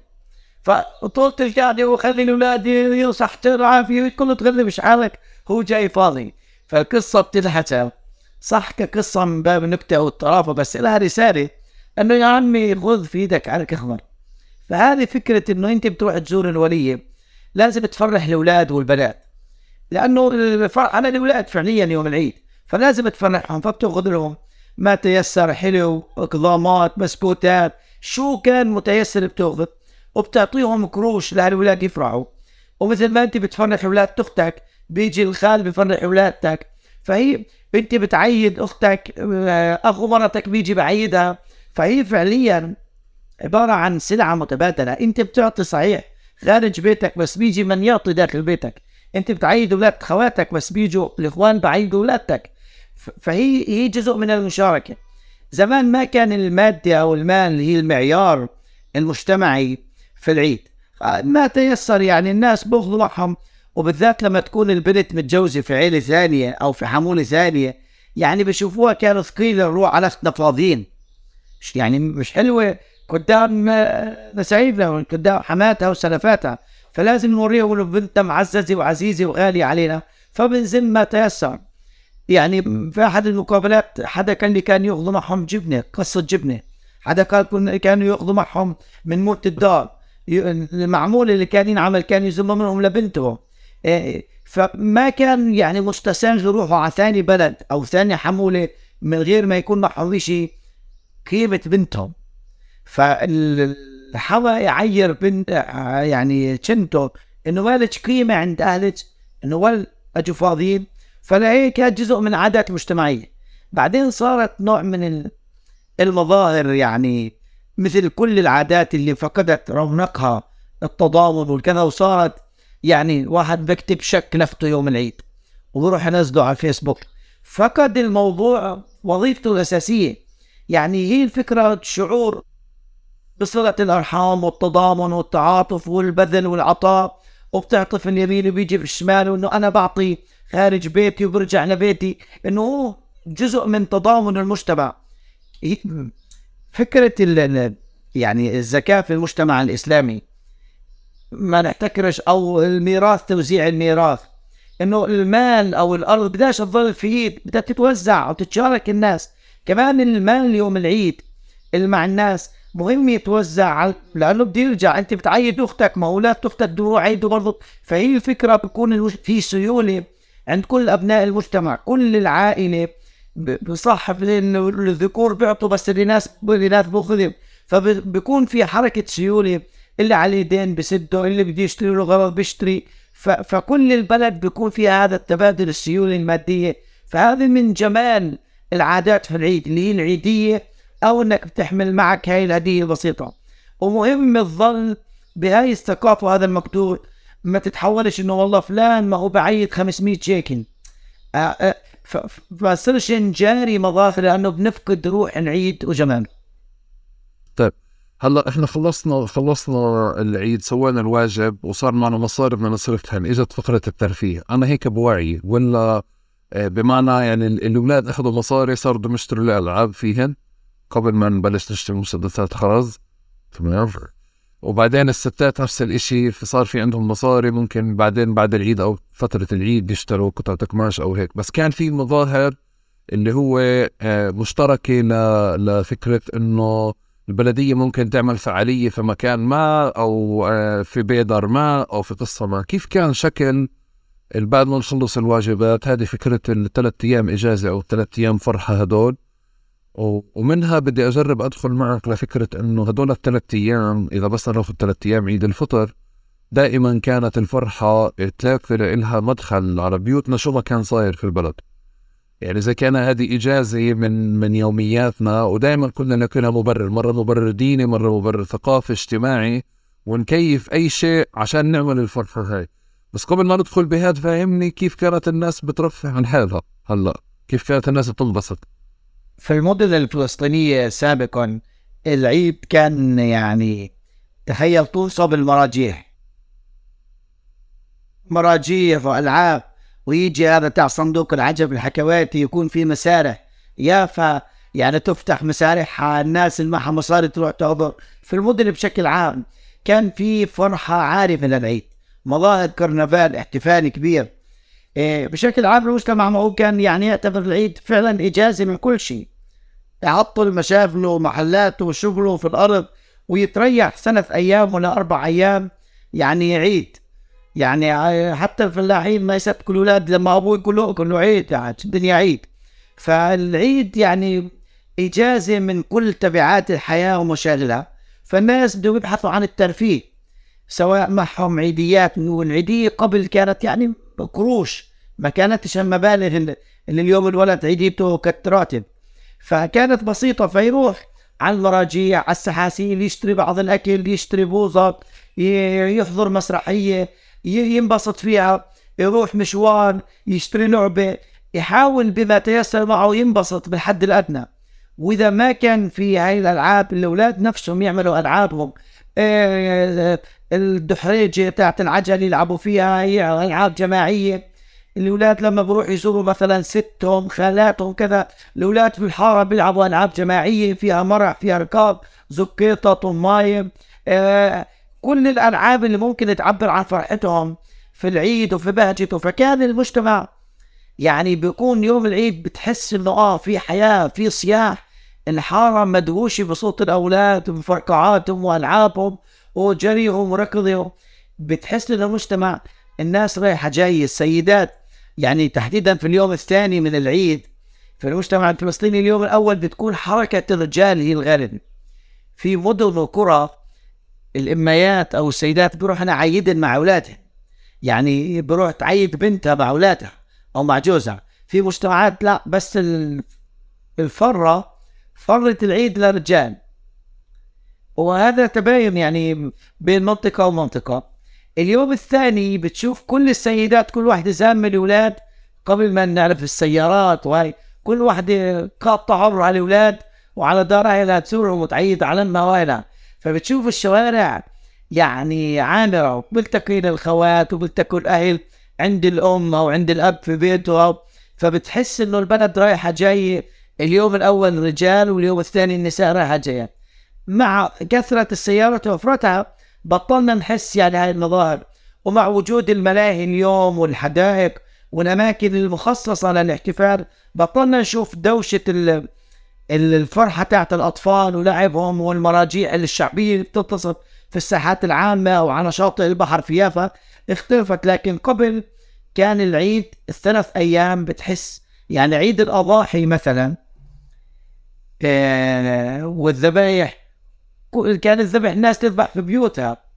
أو عند اللي يجيبوا لحام يذبحوا كذا فالناس راح جاي مشي كل واحد حامل الحقيبة الزرقاء ومعه اللحمة ملفوفة بوركة. وبطقطق على البيوت. وهذا بيعطي وهذا راجع وهذا. فبتحس في الحركة تاعت البلد كلها بتنغل الحركة. الكل بوزع والكل بعيد والكل الله يتقبل هاي ذبيحة فلان. هاي المظاهر شوية.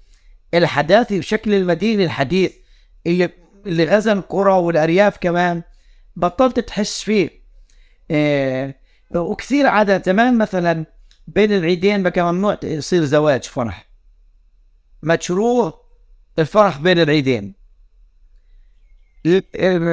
العيد فرحة وبعد شهرين بيجي عيد فرحة. فبصيرش تجمع فرحة بين الفرحتين.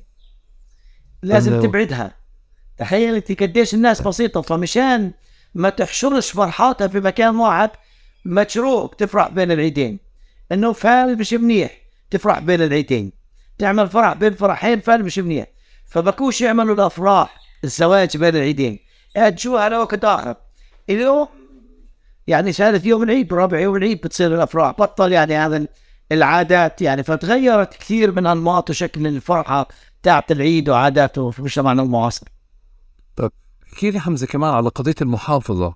مثل ما موسم الزيتون كان في يعني كان موسم ومساحة للاختلاط والمجتمعات فيها كانت يعني العادات والتقاليد فيها. على فكرة أنت اليوم لما ذكرت لي قضية ربطت لي حرب الخليج عودة ال- ال- المتدينين والمحافظين اللي موجودين في حرب الخليج للضفة فسرت لي كثير أشياء. يعني مش شوي. يعني حتى هلا موسم الزيتون لإلي التغيرات اللي صارت عليه بقدر أربطها كمان بذات السياق يعني كل كل شيء اجتماعية. لأنه كمان شرائح واسعة وانتشرت في المجتمع وغيرت غيرت حقيقة الشكل. بدي أمسك قضية المحافظة. إذا إذا مجتمعنا عم بكون على مستوى يعني هو المفروض إنه أكثر انفتاحا على مستوى المعلومة وأكثر انفتاحا على مستوى المشاركة بس أكثر محافظة بينه وبين بعض على مستوى على مستوى التعاطي والتعامل صح أنا عم بحكي؟ شوف يعني إحنا ما بنقدرش نحكي عن فكرة المحافظة في المجتمع الفلسطيني كلها بمستوى واحد. يعني ما كان يصلح لاهل الساحل وغيره اللي بيتم في منطقة الجبال الوسطى. مثلا موسم النبي روبين على شاطئ البحر في يافا في شهر سبعة موسم احتفال. أشبه في الناس بيختلطوا وبيحتكوا في بعض وبيشوفوا بعض رجال ونساء وهو موسم يعني رفاهية. على شط البحر. النساء كلن يا بتروبني يا بتطلقني لجوازا لأنه موسم رفاهية بينما موسم النبي موسى هو موسم في الجبال الوسطى لأهالي جبلي نابلس والخليل القدس وما بينهما وبروح عليها. موسم جدي ذا طابع جهادي. خيل وفروسية واعتداد وسباق وصراع وتنافس. فهذه الثقافة ثقافة الجبل بتختلف عن ثقافة الساحل. العادات اللي بتنظم المجتمع الفلسطيني على الساحل الفلسطيني غير العادات اللي بتنظمه في الريف أو في سلسلة الجبال الوسطى. عاداتنا في الجبال الوسطى أقرب للمحافظة. إيه، المدن طبيعة عاداتها بتختلف عن الريف في المحافظة. هناك مدن زي نابلس بصفها ابن عربي إنه قاعد فيها آه، زاد على شهر وقاعد فيها ما شافش وجه امرأة في هاي المدينة. بتروح عمد الأخرى بتلقى إنه عادي احتكاك ضمن سياق المجتمع النساء والرجال مع بعض مقبول ومستصاغ في مجتمعات. في الريف مثلا في مجتمعات طبيعي النساء والرجال يلتقوا يوم العيد يعيدوا على بعض كل عام وانت بخير وكذا. أولاد العم بزوروا بنات عمهم. بعيدوا بنات عمهم. لاحقا لما صار هاي التغييرات المهمة على المجتمع البعد الديني وظهور الحركات الإسلامية وعودة المتدينين وتأثرهم بالسلفية صار في حرام ومش حرام وعيب وحرام. فبطل ابن العم عايد بنت عمه. زمان كانوا أولاد العم يروحوا يعايدوا بنات عمه. يوم العيد يزوروهم ويعايدوا عليهم. بعدين صرنا في هذا الخطاب تماما مثل يوم الفرح. إنه بكون رجال يفوتوا عند النساء أولاد العم أولاد الخال يلقطوا العروس اللي بتقرب لهم. بعدين صار في خطاب إنه لا فصرنا كثير في قرى ممنوع يفوتوا بس بفوت أبوها وأخوتها أو عمامها أو إخوانها بطل أولاد الخال وأولاد العم وكون عالي يفوتوا يلقطوا فهي كلها من التغيرات المهمة اللي صارت على مظاهر العيد والحياة في المجتمع الفلسطيني. ففي مجتمعات يوم العيد يعني شوف من العادات زمان إنه مسموح للشباب يطلعوا على العروس يوم العرس. لأنه بكون على وجهها نقطة من الجنة. مسموح طب هذا كان مسموح في الاعتقاد الشعبي. إنه أي شاب بشوف العروس مسموح له يطلع عليها. اليوم عيب وحرام ممنوع بصيرش شو بطل الحديث عن المعتقد في ظل الخطاب الديني. فكثير عادات يوم العيد فأنت يعني فقد تكون في قرية عائلة متدينة بتمنع بحكم من الخلفية الدينيه وعائله أخرى يعني محافظة حفاظ تقليدي ما عندها مشكلة انه أولاد العم يعيدوا على بنات عمهم. وهذا في تفاوت. يعني إحنا مش على مسطرة واحدة في موضوع العادات والتأثر بالخطاب الديني في المجتمع الفلسطيني. إيه، من العادات اللي توقفت مثلا يوم العيد الاعتقاد الشعبي بيقول إنه ليلة العيد بتفيض مية زمزم على كل عيون المية. فيعني إذا أنت في كفين في عين مية ليلة العيد بتفيض مية زمزم عليها. فكل الفلسطينيات الفلاحات المدنيات كل السيدات بزمين حالهم ليلة العيد وبعبين مية من العيون لأنه هاي جاي من عين زمزم. بعدين الخطاب بين قوسين الواعي أو الديني صار يقول لا هذه بدع وهذا أنزل الله فيش منه. فتوقفوا. مع إنه كان إنه نجمع ميه ليلة العيد من عيون الميه هذا تحصيل حاصل. ولازم الميه تنشطف فيها الدار من ميه العيون الجايه اللي هي جاية من ميه زمزم الميه المباركة المقدسة في اعتقاد الفلسطينيين. وعلى سيرة إنه عن جد بتفيض متصله في حج من سلوان سلوان القدس زمها وراح حج في مكة. ف ويشرب عصير زمزم في الكيلي وكعت الكيلي منه. معه كاسة جايبها معه. في أغراض وكعت في زمزم وراح بعرف شو راحت في بير بير زمزم. وبير زمزم عميق غميق. فرجع على سلوان بعد الحج بعد كوفة أربع شهور. والله في يوم وهو بيعبي مي بنشب من عين سلوان ليلة العيد وإنه المقطاس الكاسة تاعته القدح اللي بكى يشل فيه وهو يحج في مكة طالع معه فيدو. فالناس بيستحضروا هاي القصة. على فكرة الاتصال بين سلوان وزمزم إنه بين في يعني هذا الطريق المتصل داخل الأرض فالمي بتيجي من زمزم على عين سلوان.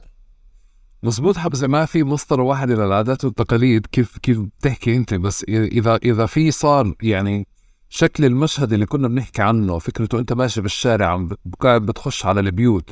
إذا في بيت فرض عادة جديدة أو غير من شكل البيت أو أشعرك مش مريح خلال دخولك تتغير أنت شكل مسارك كله بالشارع كلياته. فلإلي عشان أنا سألتك عن الموضوع لأنه بذكر إنه منيح إنه في مرحلة انتقلنا فيها من إنه إحنا قاعدين بنقعد في في البيت الست بتكون موجودة وسيدي وعمامي وكذا آه لمرحلة صاروا يدخلوا على غرفة الضيوف.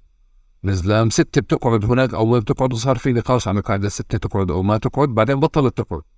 بس هاي المرحلة اللي كانوا الستات مثلا كلهم يكونوا موجودين آه، آه، مع الرجال قاعدين في منطقة واحدة واحد بعدك من الطريق بسلم بقعد بش باخذ باخذ واجبه وبشرب فنجان قهوة انضربه آه، هسه هيك صرت أشوف أكثر يعني مرحلتين مرحلة المحافظة أو التدين أكثر أو فكرة العمل على أسلمة المجتمع أكثر. والنقطة الثانية هي قضية يعني للأسف اللي بنهربش منه عامل الاحتلال. واللي هو إحنا دائما باشتباك معه. وهون بدي أجرب أدخل معك أنا لفكرة إنه بكل هذه العادات اللي إحنا شفناها مثلا من الكعك للقهوة للشاي خلاف قهوة للشاي لقضية الزيارات لقضية الينكوت. آه، مهما تغير آه، آه، تغير يعني الوضع السياسي أو الاقتصادي أنت مضطر تطلع الشارع التفافي عشان تروح تعيد على أختك وإذا معكش مصاري بدل ما تنقطها 100 شيكل بتنقطها 20 شيكل. بس بدك عفوا بدك تعيدها. فبالتالي في عادات ثابتة بس طول الوقت بيجري تغيير عليها. تعال نجرب نشوف أنا وياك خبرني على آه، كيف بغير الاحتلال من هذا السرد اللي إحنا عنا من من أول الحوار أنا وياك. شوف المجتمع عاداته بلا شك بتتطور وبتتغير بتتغير في سياق طبيعي مرحلي تدريجي. إلا في حالات الحرب أو الاحتلال التغيير يعني بيكون نفصلي. يعني حدث النكبة وما أحدثه من شرخ ثم النكسة وانقطاع. التغيير كان جذري بشكل مباشر قفزة مباشرة. بيجي العيد وفي منع تجول. ما فيش عيد. مش انه والله في عيد وبدنا نخطف ونختصره لأنه في حدا متوفي الاحتلال كان تغييره جذري قطع. فكان يصدف يجي العيد وفي منع تجول. اجى العيد على الحرم الإبراهيمي بعد وزارة آه، الحرم الإبراهيمي وفي منع تجول فلما بيجي العيد بفعل الاحتلال في منع تجول أيام العمل الفدائي 67 ل 70 عبر الأغوار قرى مشاريك نابلس كانت تصدف صبيحة العيد يكون منع تجول ممنوع الجيش بلاحق مجموعة من الفدائيين في يوم العيد منع تجول فمش فيش عيد في عملية قطع يعني بشكل فظ لتطور العادات. سياسة منع التجول. زمان في هذه الفترة 67 ل 70 كان يدخل الفدائيين يسووا عمليات. كان في شيء اسمه التهريب. يروحوا يهربوا بضائع عنوة عن الاحتلال من الأردن. يجيبوا تهريب. وكان الناس يتزاوروا. فإذا أنت رايح تزور مثلا وليتك مثلا في قرية ثانية مثلا في عقربة في دوما في المجدل في بيت فوريت ونمت هذيك الليلة وصدفة الاحتلال عمل المنع تجول وجمع رجال في وسط البلد على الملعب في وسط البلد وفي زلمة غريب هذا الديوتي الكتل. عشر أضعاف أهل البلد لأنه بدنا نعرف مين هو شو جاي وتا حدا يدل عليه ويعرف عليه. وإذا أنت جاي بالصدفة والمختار معوش خبر وبعرفكش بدي يقول بعرفوش. ف... فالاحتلال بإجراءاته هاي القمعية قلل فكرة التواصل بين الناس بشكل عام والعيد كجزء فصار يجي العيد. يعني كان مألوف يروح الواحد. يزور وليدته أو بنته في قرية ثانية ويبات عندهم. مع سياسة الاحتلال في منع التجول والاعتقال وكذا بطل حدا يستجري صار الواحد يروح يزور يوم ويغادم لأنه إذا أجوا صار منع تجول ويكيوني بدي أطع فكثير عادات بلشت تتغير من ضمنها العيد. أنت يعني كان العيد كل العائلة تقدر تروح تزور في ثاني بلد. صرنا لا بدنا نختصر لأنه بلاش في حاجز بلاش جاشو. في الانتفاضة وقت ال ال الاجتياح للمدن الفلسطينية. آه، وفي في, ذروة الانتفاضة الثانية. العيد بطل يعني هو العيد المانوف إذا عندك تلفون بترن تعيط على وليتك على التلفون لأنه ما في وسيلة اتصال المدن المحاصرة إيه والشباب طبعا مش وارد إنه لأنه ممكن تعتقل. لما بكون في حالة تصعيد يعني شفنا في رمضان في حوارة مظاهر العيد قتلت. مظاهر رمضان كلها قتلت في قرية حوار لأنه تحولت القرية إلى ثكنة عسكرية. حوارة قرية للي بيعرفش حوارة فلسطينية. حياتها مرتبطة على محلاتها على السوق المفتوح اللي كل الناس بتيجي عليه. فجأة القرية تحولت لثكنة عسكرية. الجيش عشرات النقاط حاليا موجودين فيها وفي إجراءات وإغلاق وتشديد. فبطلت مظاهر رمضان المألوفة بالنسبة لقرية حوارة بفعل الاحتلال. فهيك العيد يعني حسب التصعيد تاع الاحتلال وجرائمه إيه، ومدى تشديده نابلس حاليا عليها حواجز. يوم العيد الناس من الآن هم هم انه بده يكون في إغلاق ولا لا؟ فأنت يوم العيد إذا بدك تطلع من طول كرم على نابلس أو من الخليل على نابلس بدك تسأل عن حالة الطرق. الحاجز مسكر ولا مش مسكر؟ فاتح ولا مش فاتح؟ الأزمة فهذا كله يعني بيغير من عادات وتفاعل العيد. الست اللي بدل ما يزورها كل العائلة بيجي بيزورها كبار السن أبوها وأمها وعمامها الكبار. فهذا كله مهم. إيه، فالاحتلال حاضر. هو الحاضر الغائب بكل التفاصيل اليومية لأنه حاجز واحد على مدخل قرية يلغي العيد خارج القرية إذا كان إمام القرية أو الخطيب من قرية ثانية والاحتلال سكر لأي مبرر سكر البلد معناته القرى اللي هي يعني الصغيرة اللي واقعة جنب المستوطنات واللي بتتعرض لاعتداء. تخيل إنه رجال يعني ما بيقدروش يغادروا القرية لأنه ممكن المستوطنين يهجموا على في البلد.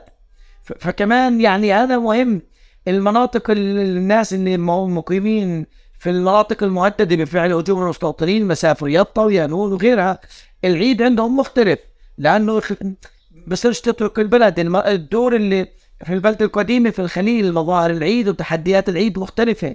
العيد في القدس نفسها مختلف ومغاير بينك الفرحة والقتال لانتزاع الفرحة وبينك سياسة الاحتلال. شفنا امبارح في مسيرة الجمعة الحزينة عند المسيحيين والجمعة العظيمة والجمعة الأخيرة من رمضان عند المسلمين كيف مستوطن بتف.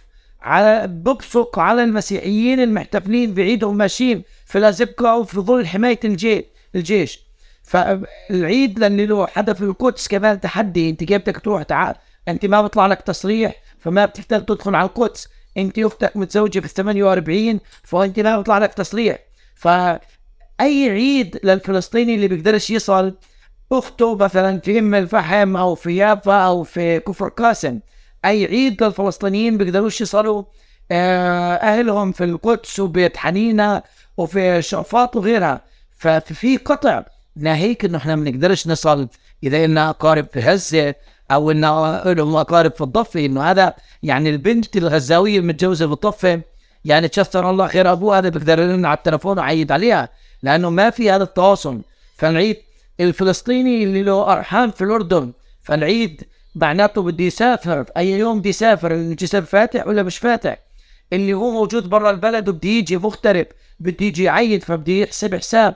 أي يوم بدي أنزل مشان أزمة الجسر وأي يوم بدي أرجع وبدي يبكي حاسب. إذا صار أحداث اضرب قبل أسبوع آه، الجسر من الجانب الإسرائيلي. اضربوا الموظفين سكر الجسر. الناس اللي عندها طيارة الناس اللي عندها. فالعيد يعني بيجي وبيجي معه هم المرتبط بالاحتلال. من التنقل والسفر والكذا. بالإضافة للناس اللي يعني ما بيطلع لها تصريح وما بتشتغل والوضع الاقتصادي صعب. فبيجي العيد فبيجي الهموم تاعته إنه الاحتلال موقف تصريحه والله تعال عمل لأنه في شهيد أو في أسير من هاي العائلة. البلد هاي تم معاقبتها زي بيتها مثلا بفعل الاستبسان على جبل صبيح. عوقب مئات أو آلاف الشباب وقفت تصاريحهم من عمل وإحنا شعب محتل ما في بديل للعمل. فبيجي العيد فبيجي هم وتاع تحديات مصاريف العيد تلبس الاولاد عيديات كذا. فبلا شك الاحتلال يعني الحاضر المزعج في تفاصيل العيد. يعني أنا أنا بوافقك بس دائما كنا نلاقي مدخل للفرحة حتى لو بالسر. يعني بتلبس الأولاد وبتقعد أنت بتروح بتصلي العيد ودائما في فكرة عشان الأولاد ودائما في فكرة إنه إنه يعني يعني بذكر حتى بسنين الانتفاضة أصعبها. أنا بالنسبة لي أصعب الأعياد كانت من خلال الانتفاضة الثانية. إيه، بس مع ذلك كان الواحد يعني بي بي بما يتيسر من لما يشتري اوائل العيد ويقعد في البيت حتى لو بدوش يتحرك إيه، بجوز شكل الألعاب تغير صرنا أكثر مسدسات هذه خرز وهيك والأكشن هذا. و... إحنا بنعبر عن ذلك بمقولة ونحب الحياة ما استطعنا عليها سبيلا. ما عندناش وقت ننهزم ونستسلم ونقعد نعيط. رغم كل بن الحياة بدها تكمل. بدنا نعيد. العيد جزء منه هو شعيرة دينية جزء منه شعيرة حياة واستمرار مجتمع. رغم كل المعيقات والتحديات بدنا ننبسط. يعني الام اللي ما قدرت تشتري لبس لأولادها بتغسل اللبس القديم وتلبسه بتلبس لبس الأخ لاخوه ما عندنا وقت نرفع الرايه البيضاء. بدنا نعيش بدنا نواصل. يعني أنا بعرف فلسطينيين بقفزوا على الجدار مشان يزوروا اخواتهم هي فكرة مش بس الزياره فكرة الشعور بالانتصار إني دخلت. الفلسطينيين اللي بيقفزوا على الجدار ليروحوا الجمعة أو ليلة القدر على الأقصى. مش بس طلبا للثواب والاعتكاف في المسجد الأقصى كمان هو جزء من الشعور بالانتصار على سياسات وإجراءات الاحتلال لأنه انت ما بتقدر تمنعني أعيش. أنا بدي أواصل الحياة ما مرش عيد ما عيدناش. ما مرش عيد ما شعرناش بالعيد. رغم أنه بيكون في شهداء في البلد وفي جرائم وفي إغلاق وفي عصار في اجتياح للمدن العيد بالنسبة لنا بيعطينا أمل نواصل الحياة بندرك ثقة للاحتلال وأزعاجه بس بالاخير إحنا مش شعب ضعيف ولا شعب يائس ولا حدا مستسلم. إحنا عندنا إرادة عندنا إصرار. بنخلق الفرحة من العدم وبننسج ثوب الحياة من الموت. يعني بنفرح بنرقص بين شهيدين.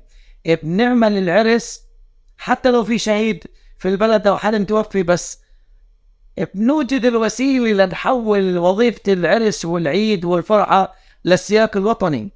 يعني ال ال ال تمام في موت وفي شهداء بس في عرس شو بدنا نعمل؟ الغناء بتحول وظيفته من يم الشعر الأشقر ويم العيون السود لا يحكي عن البطولة والفداء والعمل المشتبك وغني للشهداء وغني للأسرى وغني للبطولة. فبنصنع الحياة من الموت بنصنع الفرحة رغم في الاحتلال.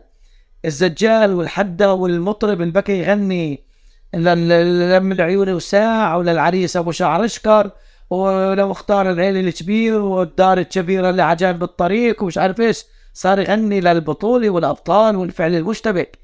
فظل الفرح قائم وظيفته قائمة بس الأغنية وأشكال الفرح هنا يا رجل إذا صار آه، بكفي يرفع العلم مرات في العرس. لكل الناس إنه هذا الفرحه هذا سياق وطني. فأنت يعني في الأعراس في الانتفاضه الثانية تحولت الاعراس في القرى لمهرجانات آه، يعني أنا حضرت مئات الأعراس كان يحضر فيها خطباء من رموز الحالة الدينية أو المقاومة في الانتفاضه الثانية يلقوا خطبة لها علاقة بالاشتباك والمقاومة. ترفع الرايات والأعلام تاعت الفصائل في الأعراس لأنه تحول العرس لفعل اشتباك. التنظيم يكون كل تنظيم يكون بعرس ابنه لأنه العرس بطل بس مشان نجوزه هو جزء من الفعاليه كرنفاليه في الوقت الاحتلال منع المهرجانات الثقافية في السبعينات وقفها. المهرجانيات تاعت السجن والغناء منعها في الضفة. فالزجالين حولوا الاعراس لمهرجانات فتشوف سجال عندنا عشرات النماذج فيديوهات وتسجيلات لزجالين عندنا فلكلورنا المغنى حاليا في العتابة والدلعونة.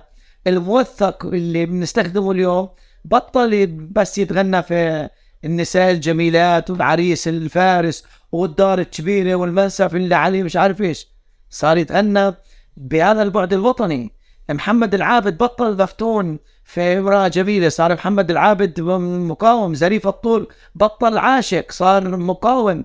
جفرة بطل واحد بحب زوجته. جفرة صار حالة من الحنين والاشتباك مع البلد والشوق لها. آه، كل التناويح اللي بكيت نغنيها بحزن حملة قضايا يعني التناويح دائما فيها حزن وبكائيات على الموت تخيل إنه السيدات الفلسطينيات حولن التناويح القالب هذا الغناء الحزين ليحكين عن الأسرى. لطيع التناويح لطيع على القبر وتعلق بشباك جوا اندح جواتك حبيبي هاتوا صن الاميات لروع عسكلان وهد ابوابها واندع آه لروع عسكلان وهد ابوابها الله عليها ما حمد ضيافها. فصار صار الغناء تاع النساء الحزين في التناويح يحكي عن قضية الاسرى لما مات جمال عبد الناصر آه وعملوا حلقات في القرى وفي المدن ينعوا عليه امهات الاسرى زي آمن السلامة حولت حلقات التناويح سبع أيام لتحكي عن الاسرى التناويح كلها تحول دورها من بكاء وتعداد. لمآثر هذا المتوفي لنحكي عن قضية أخرى اللي هي الأسرى لأنه كان في ظاهرة الأسرى بين 67 والسبعينات وما تعرضوا له من تنكيل في عسقلان وفي غيره. فواصلنا الحياة بإصرار وانتزعنا الفرح بأسلوب آخر. حتى الحزن حولنا الكلمات تاعته لتخدم قضايانا الوطنية زي قضية الأسرى في التناويح. طيب وبما انه الفرحة فعليا هي فرحة الأكل كمان والفطرة والإفطار. وأنا بالعادة بنهي البرنامج هذا الحلقة هذه دائما بالمقلوبة. بس استثناء هذا يعني هذا الجمعة راح نحكي بالفطور كمان العيد راح يكون الجمعة إن شاء الله على الفلكة. فخبرني على على قصص الاخوة الفلسطينيين في في فطورات العيد. مرة أخرى غير قضية الفسيخ عشان أنت أكرمت الفسيخ بزيادة أول شيء بنأكد على التحذير احذروا من بغلة العيد. بغلة العيد هذا مصطلح شعبي يقال للرجل أو الإنسان اللي بينطرح يوم العيد. بصير عنده مرض من نتيجه الخربطه في الأكل. فهاي دار قهوه هان شاي هان معمول هان كعك هان طاطين هان. فهذا بينطرح. بصير عنده وجع في معدته فبقولوا رفصته بغلة العيد. فحذاري حذاري أيها المستمعون من بغلة العيد. دير بالكم كل الواحد ولا خليهم. يعني اشربوا باعتدال وجيلوا باعتدال. مشان بغلة العيد. العيد عندنا متنوع. يعني في ناس من حيث الأكل في ناس بيعدوا المناسة يوم العيد في ناس بيعملوا مقلوبة في ناس بيعملوا معاليك في ناس كل حدا بيعمل اكل بس لازم يكون في اكل يوم العيد. يعني أنا بتخيلش العيد من غير ما أتغدى منسف يعني على الأقل من نوعية كل عيد بيكون في مأساة بتروح من هاي الجولة مهدود حيلك جولة طويلة فبتلقى الأم يعني عاملة يعني ما يليق بالمقاتلين اللي طافوا البلد مشان يزوروا الأرحام. فبكون مرات الولاية العمات والخالات هم اللي بيعدوا على المسف فبكون في ترتيب بالعادة بين سيدات العائلة وتنسيق عبر الجروبات المغلقة إنه مين بدها تطبخ؟ وبيسألوا بعض شو أنت عامل ضيافة مشان ينوعوا مشان يعني في كل بيت يعني ما نبخلش عليهم بالتناول. فاليوم صار في تنسيق بين السيدات. مرات كانت تصدف يكون التنسيق يعني مش جيد فنلقى بيتين عادين اكل فأنت يعني تضطر تجابلهم يعني عيب يعني زاد حضر وحجة الشبعان 40 لقمة. فتأكل يعني الأكل من الزيك للزيك والمية تزريك والنفس يدبر حاله. وأكل الرجال عكد جولاتها وفراتها. وبالآخر بترد نرجع لموضوع بغلة العيد. يعني يعني فيش منه مناص.